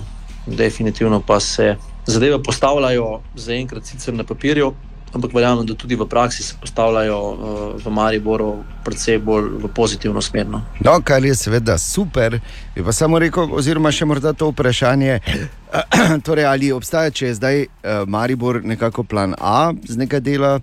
Uh, torej, plan B je Krajinska gora ali v Sloveniji obstaja tudi, da nimamo plan C za lisico. Pa gledajte, smočišče v Sloveniji nekaj je, ne? vemo pa pač, da um, nivo svetovnega pokala je pač vse nek nivo, ki um, zahteva uh, neke uh, svoje, bom rekel, predispozicije ali pa kriterije, če želite. Uh, in uh, ni to samo pač smočišče, veliko je tudi odvisno od dostopa, veliko je odvisno tudi od, od možnosti za seveda kvalitetno TV produkcijo, za kvaliteten event. Ne, in pač to jaz mislim, da več ali manj se, se vidi, da se da narediti dobro v Krajinski gori, v- pa v Mariboru, ne, ko seveda je sneg Zaradi vseh teh de dejavnikov, seveda je pa v tem trenutku nerealno razmišljati o tem, da je neko smočišče C v tem trenutku pripravljeno na tako zadevo. No. Direktor Smučarske zveze Slovenije, Uro Zupan, hvala za vse odgovore povezane z Zlato Lisico. O, Tine! Ja, običajno je temu tako, ni Tine ta, Tine ima dopust. Ampak to seveda ne pomeni, da ni eh, meni prepustil oziroma me zadolžil, da eh, podam nekaj teh zanimivosti, brez katerih ne moremo skozi nobeno jutro. Se strinjamo, ne? Podpišemo. A Brez tega ni. In za danes mi je Tina pripravil tole in sicer, da se dolžina zehanja pri živalskih vrstah loči po velikosti možganov. Torej, večji kot so možgani, dlje časa neka vrsta zeha. Tako To se je samo do- pri živalih? Ne, ne, tudi pri ljudeh, se mi smo ne, ne pač iz eh, živalskega To kraljestva marsikateri išli. kateri kratki zeh pojasnili. Ali pa, ali pa nekaj res dolgih, ki smo jih tudi danes videli, že v jutranji ekipi, ne bomo rekli. Ne? Ne bomo, ne bomo kazali s prstom. Ja, kdo je dolgo zehal ne? in komu smo eh, ta spodnjo lalovko not popravljali. Je Ja, pa? Ampak zanimivo dejstvo. Ne? Pravi, če. če ok, se vseeno. si verjel, to?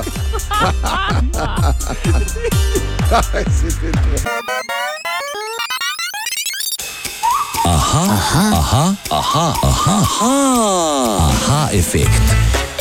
In tako danes zjutraj imamo vprašanje Branke, ki jo zanima, kako je možno, da imamo na kolesu večje ravnoteže, ko se vozimo, kot pa ko stojimo, oziroma smo uh, pri miru na kolesu in v živo iz Kočevske poljane danes zjutraj, Bor Grajner.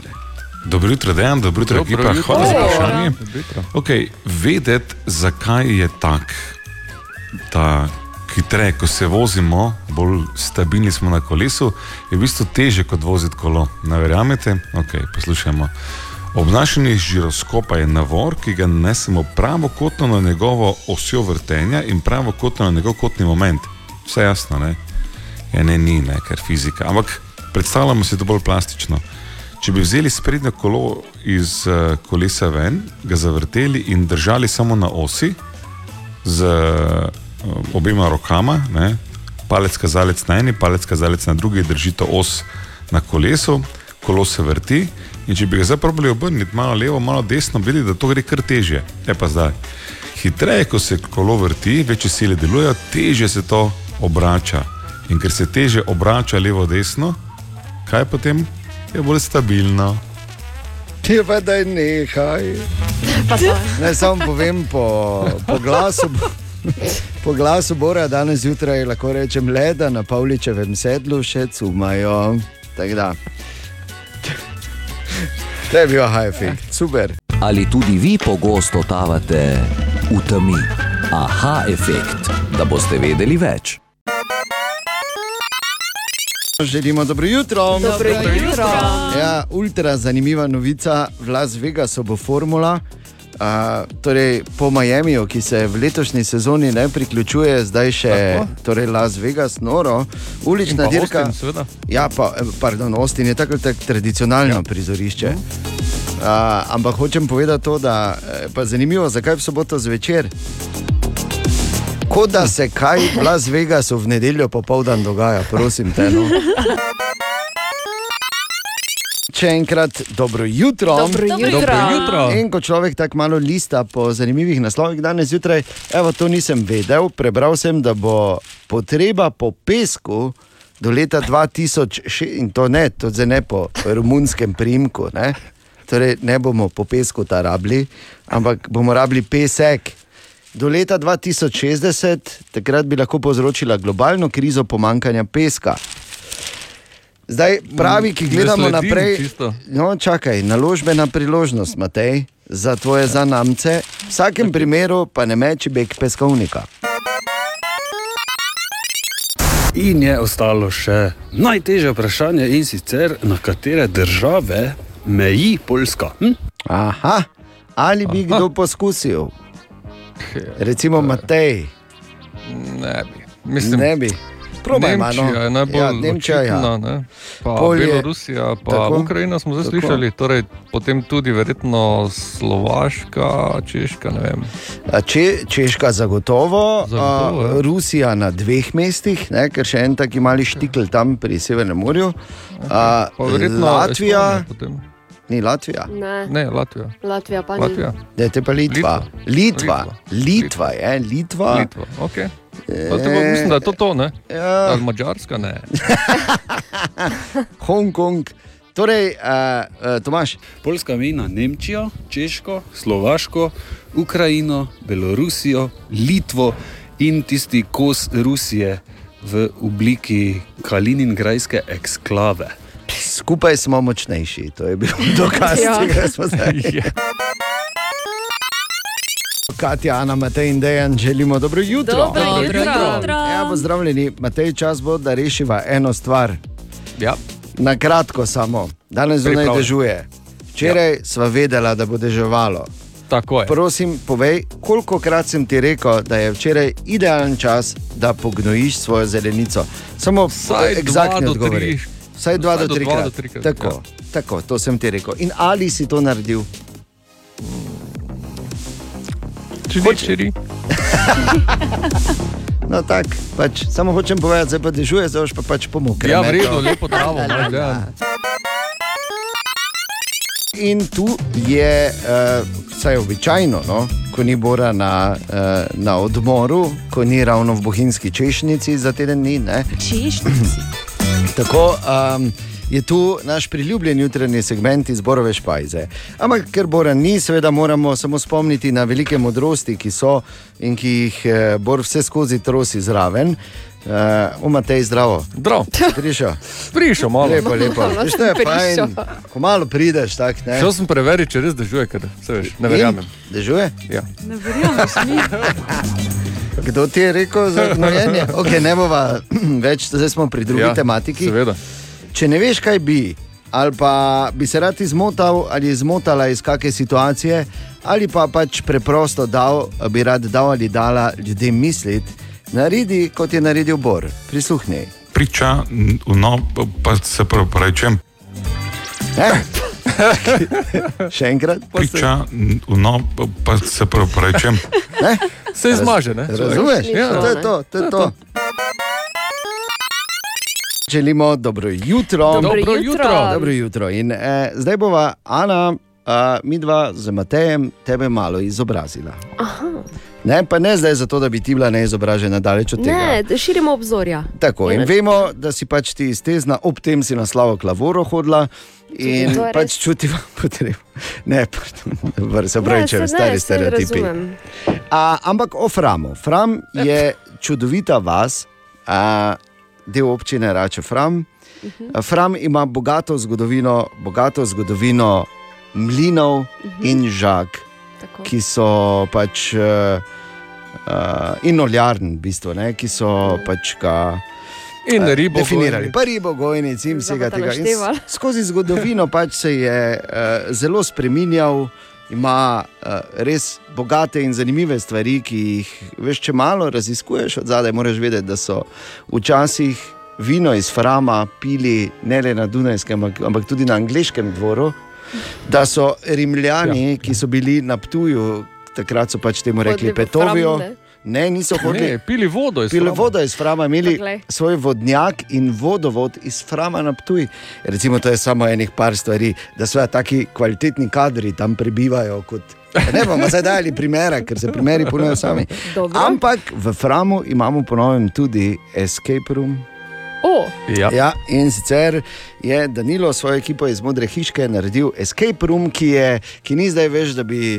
Ampak je tematski, tako kot mora biti, ni kar nekaj, zdaj pa noter, pa si, ok, zdaj pa pridi ven. Huh. Ampak je taki, da se, ker točno tako narediš, huh, ko kaj ne veš. Ne? Ampak je taki, da se kaj naučiš in sicer je, moraš pobegniti iz mlina. In O. Danilo je tako razložil, včeraj je bila namreč otvoritev. Soba pobega, ki smo jo poimenovali za ženi mlin, eh, je v bistvu narejena tako, da zgleda, kot da vstopiš v en mlin notri, tudi z uh, nekaterimi elementi iz dveh starih mlinov v naši občini, Pečovnikovega mlina pa, pa Rečnikovega mlina v Račah, tako da nismo vzeli nekaj, neko zadevo od nekod drugot, ampak res iz tega našega lokalnega okolja. Tako kot se spodobi. In bi ja. Samo rekel, če slučajno se zgodi, da naj z Matejem, kateri dan, zdaj v prihodnjih dneh ne bo, obstaja resna verjetnost, mlinu, ja, da se jočemo v mlino, ker ne moremo ven. Še enkrat dobro jutro. Dobro jutro. Dobro jutro. Dobro jutro. Danes je 1. april, jutri, seveda potem po neki logiki sledi drugi. Ne? Wow. Ja, vem, vem, vem. Ja. to koza očitno tako zgodaj zjutraj. Pač petek zjutraj, ne kaj češ. Leta vaje, leta vaje. Uh, no, ampak 2. april je že nekaj let, uh, to je uh, rojstni dan znanega ali pa legendarnega danskega pravličarja Hansa Kristjana Andersena. In zaradi tega je to mednarodni dan knjige oziroma otroške knjige. Lepo, ne? Aha. Zelo. In, in uh, pomembno je, seveda, da otroci berejo, da jih navadimo, da berejo, da ne berejo samo takrat, ko morajo. In uh, smo naredili eno raziskavo, mimo grede, ki pa jo boste lahko slišali jutri zjutraj uh, v sobotni izvedbi Fras in Medvaršova, uh, prav na dan, uh, mednarodni dan otroške knjige, ampak vseeno smo pa kot napoved. Ker se mi zdi to seveda izjemno pomembno iz večjih razlogov, če otroci eh, razvijajo domišljijo, že ko so majhni, eh, je to ena od boljših stvari, ki jim kot popotnico za življenje lahko starši damo. In smo govorili z knjižničarjem Robertom Kerežijem, ki eh, smo ga vprašali, kaj si recimo naj otroci izposojajo, oziroma kaj si največ izposojajo. Je zelo različno. Zdaj, predvsem, eh, ko je bil ta čas korone, so si izposojali bolj, bom rekel, leposlovje. Zdaj, ko pa je začela šola ponovno delati z polno paro, pa si izposojajo tudi strokovne literature. Zdaj, če me konkretno sprašujete po naslovih, je pa to tako zelo, zelo različno in zelo, zelo niha. Med počitnicami vem, da je še vedno Harry Potter kar iskana knjiga, imamo pa še kup novih knjig, ker knjižna produkcija je, hvala Bogu, kar obsežna, tako svetovna, kot tudi naša slovenska. In veseli bomo vsakega otroka, ki bo prišel v knjižnico, mu bomo z veseljem priporočali in poiskali takšno knjigo, ki bo točno po njegovem okusu, samo seveda povedati nam more nekaj o sebi in o tem, kaj je kdaj prebral in mu je bilo všeč in eh, kaj ga zanima. Ja, vrhunsko, tako poskrbijo za otroke tudi v naši knjižnici, tukaj v našem mestu. Mimo grede, Katja med počitnicami se hodi sposojati, ker je Harry Potter v vrhu. Si vedno v bistvu hodim No, lepo, lepo. Mogoče samo opomnik, ne, da tisti, ki si želite še na hitro, morate to skočiti in si sposoditi, kajti eh, pionirska knjižnica, torej eh, knjižnica za otroke, bo nekaj časa zaprta za en mesec približno ja. do eh, prvomajskih, eh, ker ti potem se bo preselila v Center City, tako kot se je predtem že osrednja knjižnica. Tako da se je treba uh, malo poštelati, pa hitro iti narediti zalogo. Ne?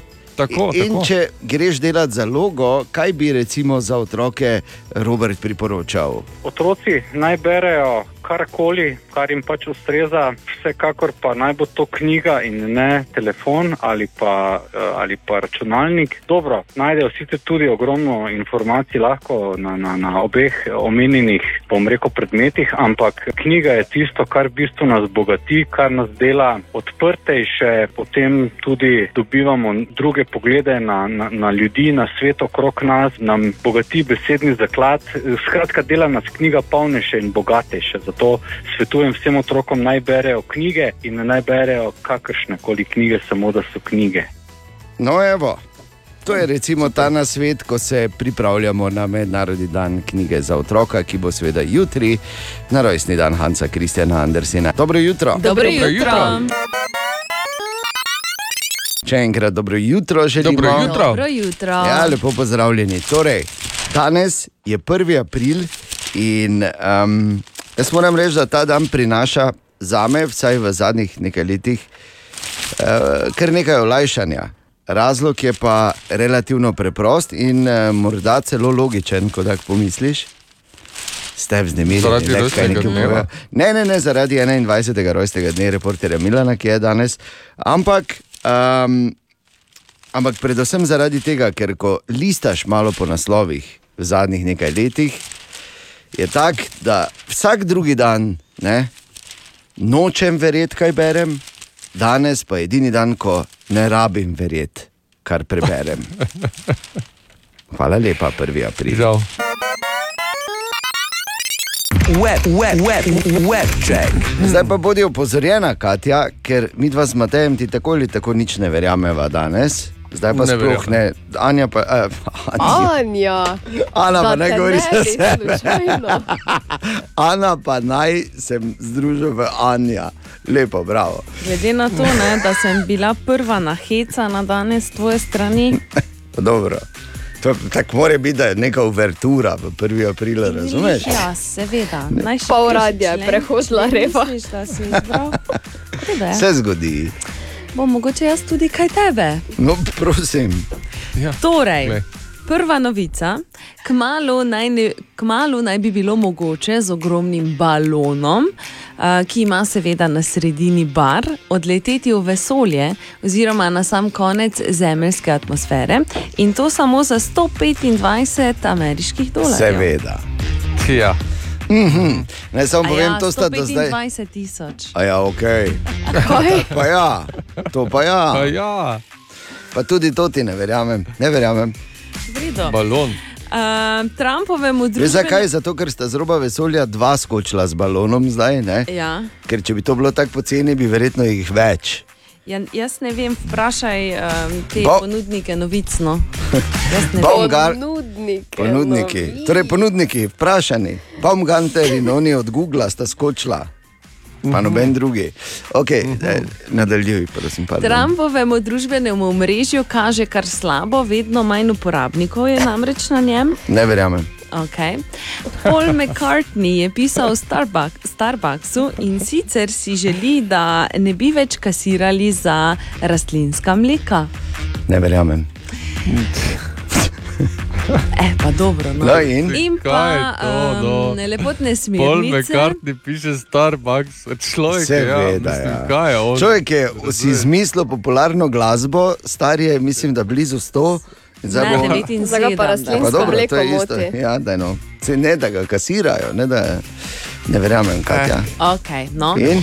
in pa nove modne in lepotne smernice pomladi eh, 2022 uh, in sicer barva las. Uh, strawberry brunet oziroma rdečkasto rjav odtenek. Ne verjamem. O ja. Na O ja. blond, Ne verjamem. Web check. Dobro jutro. Dobro jutro. In vse najboljše, komu danes rečemo? Reporterju na naj. To ni prva aprilska šala, to je čisto res. Ja, tako. Uh, 21 let že polnih danes, ne, bo tam ob Mislim, malo pred Hvala deseto. vam, Bera, ne, kot se reče. Ja. Zato, ker eh, to delati eh, iz tedna v teden, iz dneva v dan in toliko let, ne, Ja. mislim, niste kar tak, ne? Niste. Dobro, uh, hočem samo povedati to, da so Si že, čestitke. dob, si že boljšo čestitko tudi slišal. Ne, Ne, da ni, ni slaba, ne, te hotel sem povedati, da ni slaba, ker originalna. V 21 letih nismo doskrat to slišali. Tega. Ne to, razumeš? Za- Kaj te Glej, pa, če imaš rojstni dan, še ne pomeni, da ga lahko po svoje biksaš slovnično in da lahko ignoriraš rodilnik. Tako. Imaš prav. Torej, tega smo doskrat slišali. Ja, ne, ne. Ja, Ne, ne, ne. zdaj pa ne.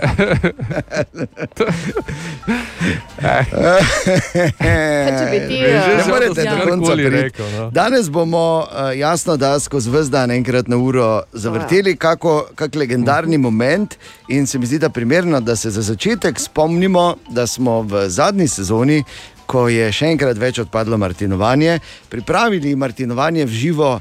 Uh, tudi tu v studiu 1 Radio City, bilo je to na 11.11.2021. In jasno, da če le lahko, če obstaja mala stvar, da lahko gre na robe, ko smo mi trije v živo, uh, bo šla na robe fejst. In tu je še en taki moment. Dobro jutro in še nič zapelje nismo. ja, no. Kako misliš? Ja, zapelje, ne? Ja, vsako uro. Ja, no, mislim, Zdaj komaj imam- pol ure. Ja, pa jaz bi, če lahko povedem, ne? Te pa povedi. Si skupaj A, pripravljal. mislim, mama. Daj malo Mislim, to pripravlja, tiho, daj, ker ne morem to pripravlja. muzike imeti tu spodaj. Ja.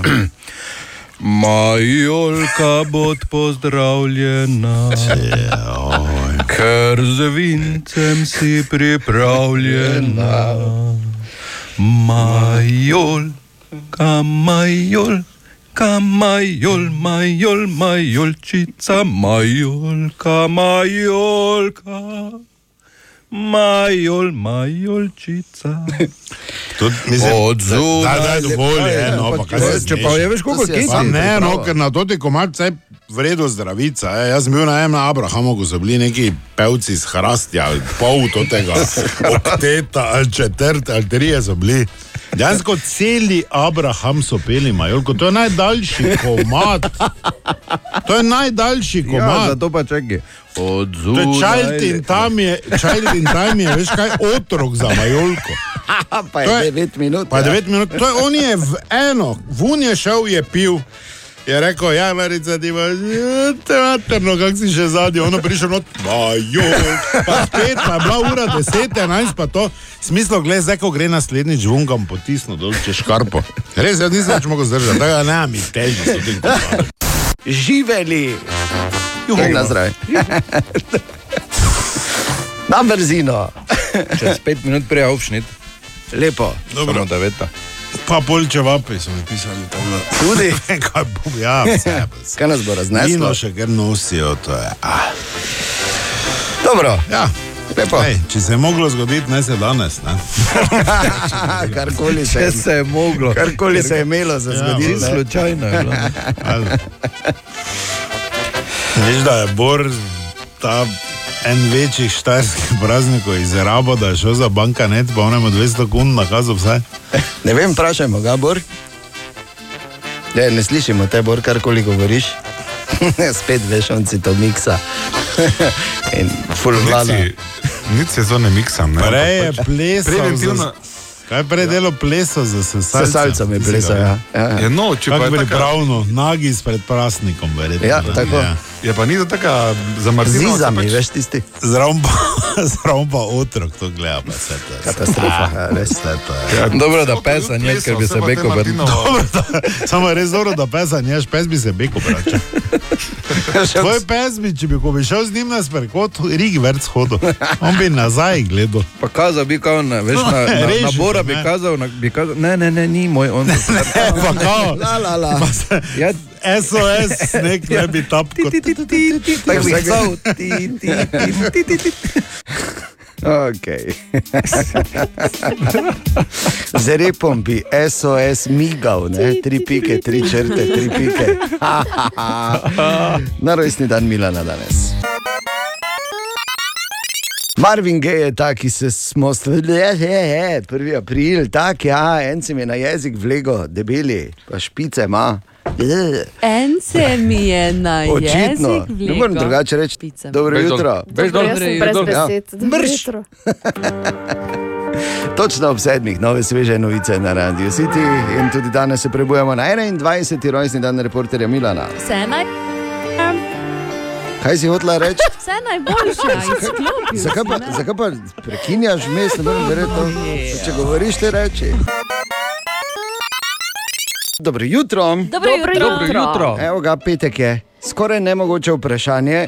Po dolgih Ne. tednih, ja, po dolgih Ne. tednih se vrača tudi naša stara kraljica te igre. Torej, bomo rekli predprejšnja kraljica, ker zadnja je Katja aktualna, tezensko meso oziroma Ana, pozdravljena. Tezensko meso pozdravljena. Večna zmagovalka, ne Je, največ zmag v zgodovini. ja. Res Bila je. nekoč, ne, ampak veš na lovorikah eh, ne moreš. eh, Res je. ne. Na, Ja, na, pa saj si zdaj si se malo spočila, ne, pripravila, kot da si bila na pripravah za novo sezono. Ja, na pripravah sem bila res. Ja. Stari, stari tesarski pregovor pravi, na, voli, na lovoriki se lahko zaskališ. Tako da pazi. Okay. Torej, tudi danes velja skoraj nemogoče vprašanje, morda bolj spektakularno od odgovora, narejeno na statistiki, oziroma iz statistike narejene v Evropski uniji, torej zadeva tudi nas. In pravi, da se v Evropski uniji vsi mi, da vsi mi. Belgija. Matej. Absolutno ni res. Po- Počakaj do konca. Vsak ima samo, koliko smo rekli, prvi. Poskusov. Tako, Matej je že Kaj, a ja, nisem vedel tega, ej, to ne velja. Ja, Seveda velja. Je pa- Kaj pa ne poslušaš? Tako poslušaj drugače. Torej, vsak v Evropski uniji to povprečno na dan naredi 20 krat. Kaj Prdne. je to prdne? Ne, Katja. Kaj? Katja je rekla prdne. Zeha. Ne, Matej še ima samo tri. Kaj si Katja še ima Dvaj- štiri. 20 krat Na dan 20 krat? poprečno. odpre poprečno. vrata. Katja še ima tri, Ana še ima štiri. Uh, štrca po telefonu. Nope, Matej še ima samo Amatersko dva. 20 krat. Vrta po nosu. Nope. Pije. Poprečno 20 krat pije, Ana še ima tri, ne. Katja tudi če ima tri. Čakaj, zdaj. A, preklinja. Ne, Matej, ti si zaključil, ti si izpadel pet poskusov, srečno. Laže. In Matej, končal si. Ja, ok, te pa jaz rečem laže. ne, Ana še ima dva poskusa, Katja tri. No, no. Kaj mi bo pisal danes Evropski kdo na Instagram? tako? 20, 20 krat na dan poprečno naredi to. Aj, aj. Kaj človek Ja. naredi 20 krat Počepne. Počepne, ne, še en poizkus ima Ana. je Vsak. To je. Ja. 20 krat na dan poprečno naredimo to. Dejan, če, bi re, če bi moral oceniti ti večkrat, 20 krat na dan to narediš. Uh, ne, jaz manj kot 20 krat na dan. Se spomnimo na. Ne, ampak še dva poskusa imaš. Mogoče pa ni slaba smer. Ne? Skratka, 20 krat na dan poprečju. Se spomnimo na Katja, dajva. Na Če kaj pomisliš dubla- 20 krat na dan? Jaz nisem rekel, da je to da je prav za Pomisli na hrano. Ne, še samo en poizkus za Katijo in en poizkus za Ano. Gremo, da ne bomo do tretjega dnevnika. Pa počasi, kam na silo. Naj mi piše nekdo, prosim. 20 krat na dan poprečno v Evropski uniji na naredimo hrano? to. E, Matej, ti si že zaključil. Pa ni. Jaz mislim na hrano sigurno. Torej, ja, tudi jaz, jaz več kot 20 krat. Jaz sem tudi nadpoprečen, če bi bilo to. Torej, vsaka še en poizkus, ajde gremo. Gremo, gremo, tempo, tempo. Katja, Petek. ok. Ja, ne, pa Ja, to je to. Ja, rekel sem, zadnji poskus časa nam izteka. Ana? Se z... Odklene nekaj. Ne, ne, ne, ne, ne tako da moram reči. Ni vam zdaj uspelo, ni vam Zdaj uspelo, naj pripravah vam, naj vam samo povem, da se po raziskavi v Evropski uniji vsak od nas 20 krat na dan poprečju pritožuje. A To je še te tako malo. kaj te Ne to je? verjamem. Eh, pa daj, Ja, no, to- daj. Čeprav mislim, da je kako Pa daj. vprašanje. Ja, res je, zdaj sem pa jasna. Ja, seveda. In jasno, da tudi danes zjutraj želimo dobro jutro. Dobro jutro. Dobro jutro. Na Dobro 1. jutro. april. Na 21. rojstni dan reporterja Milana. In uh, ob vseh čestitkah, mimo grede, ki smo jih že prejeli danes zjutraj, hvala lepa. Uh, moram povedati tudi, da sem dobil en mail poslušalca Marjana, ki seveda čestita in se mi tja in je postavil eno zanimivo vprašanje. Da, uh, Marjan piše, da smo v teh 21 letih uh, pripravili oziroma naredili ogromno enih pesmi. Uh, Praviloma z prirejenim tekstom, ne, glasbe nismo in aranžmajev delali. uh, ampak ja, teksti pa so bili ne, in teh pesmi je v 21 letih ogromno. In uh, Marjan prosi, če lahko kako zgodnjo zavrtimo in pa meni najljubšo ali pa najbolj posebno. In jaz sem zdaj tu naredil en izbor. In sicer mislim, da je to bila ena, ena prvih, če ne prva, ki ima tudi zelo zanimivo zgodbo. Smo se uh, takrat ponorčevali pred 20 leti, pohecali no, iz enega posebnega glasbenega festivala, kjer je prvo nagrado uh, publike dobila moja kasnejša žena. Sem se takrat še nismo poznala. ne. Takrat je nastal ta legendarni Ja, posnetek. Jezus moj, ti si moj, moj zavedno. Zdaj življenje moje ni več nič poredno. Jezus moj, ti si moj za vse čase. Jaz ob tebi nisem več zaprta vase. Ne morem verjeti, da je 20 let, odkar smo to posneli. Ne, zdaj, na 21. rojstni dan se spominjamo. Recimo, je bila legendarna. res. ja, ja. Med bolj zgodnimi je tudi ta, recimo, z podobno tematiko.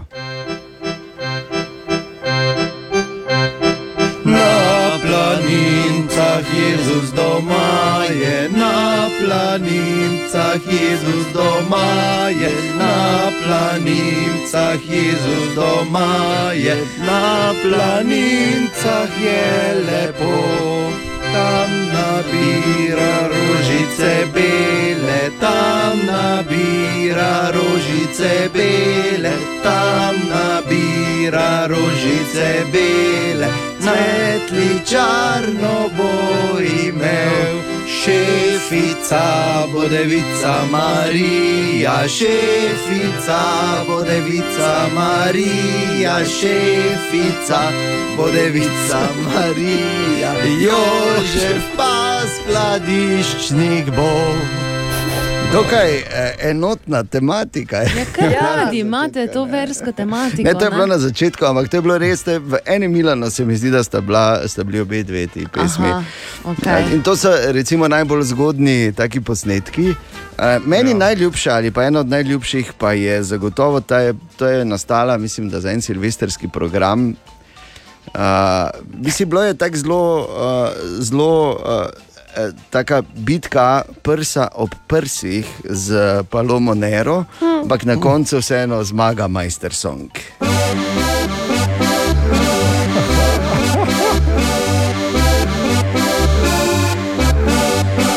Majster bil je mali, vsi so se ga bali, v rokah imel je moč kot bik. Petem pil je pivo, v šestem imel je grivo, v sedmem si prižgal je čik. Spremljal on je modo, v srednjo sploh ni hodo, pri dvajsetih se je nehal brit. En cajt je švecal robo, pol je službo dobo, so delal, ko je hotel vrit. Kdo bi jih lahko preštel? Majster je pač babe imel. Bile so tudi milke, tri so bile čistilke, majster je pač babe imel. Kdo bi jih lahko preštel? Majster je pač babe imel. Bile so tudi milke, tri so bile čistilke, majster je pač babe imel. Tonček je joj, to zapel. Jaz to znam na pamet? To me skrbi. ker imaš okus. Bi pa morda zdaj ta del debate ob 21. rojstnem dnevu reporterja Milana zaključil s tem, da uh, ko pa rečemo malo resnejše pesmi, posnete v studiu in tako za res, pa seveda mnogi poznajo Štajersko. Uh, tri dni smo pili, dobro, ta ni bila v studiu, ampak je bila ena od bolj popularnih, uh, ali pa recimo morda tudi Pegasto dekle.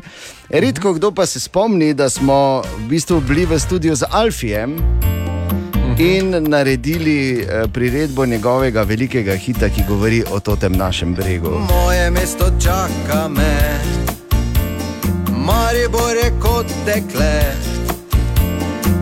Koga začutiš, nikoli ga ne moreš pozabiti. Videl sem že celi svet, vračal se bom spet in spet. Ker srce me vleče med štajerske hribe domače, kjer se pohorje vidi, slika moja iz davnih dni. Spremlja me, lajša mi poti, me vabi kliče domov. Kjer se pohorje vidi, tudi tebi, prijatelj, naj, da se vračal boš še nazaj, tja, kjer se pohorje vidi.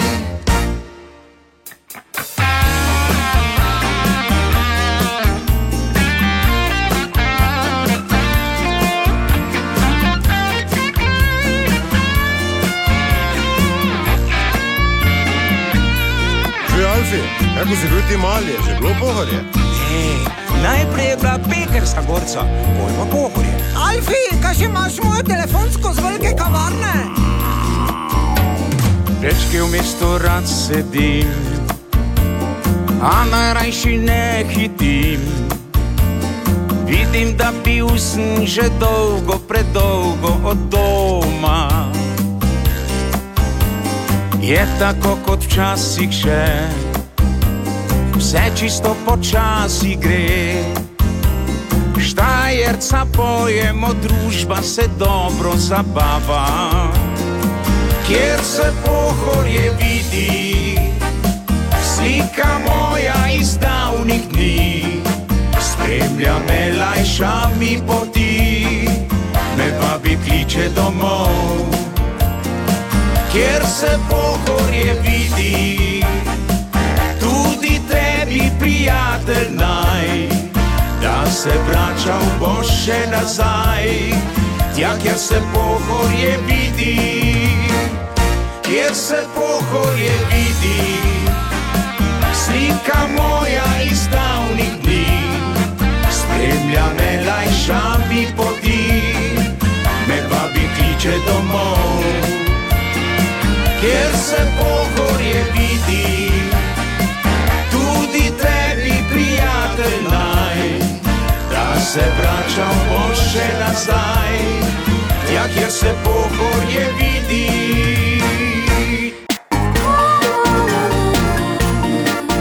Dobra, mali in stari. Podcast jutranje ekipe.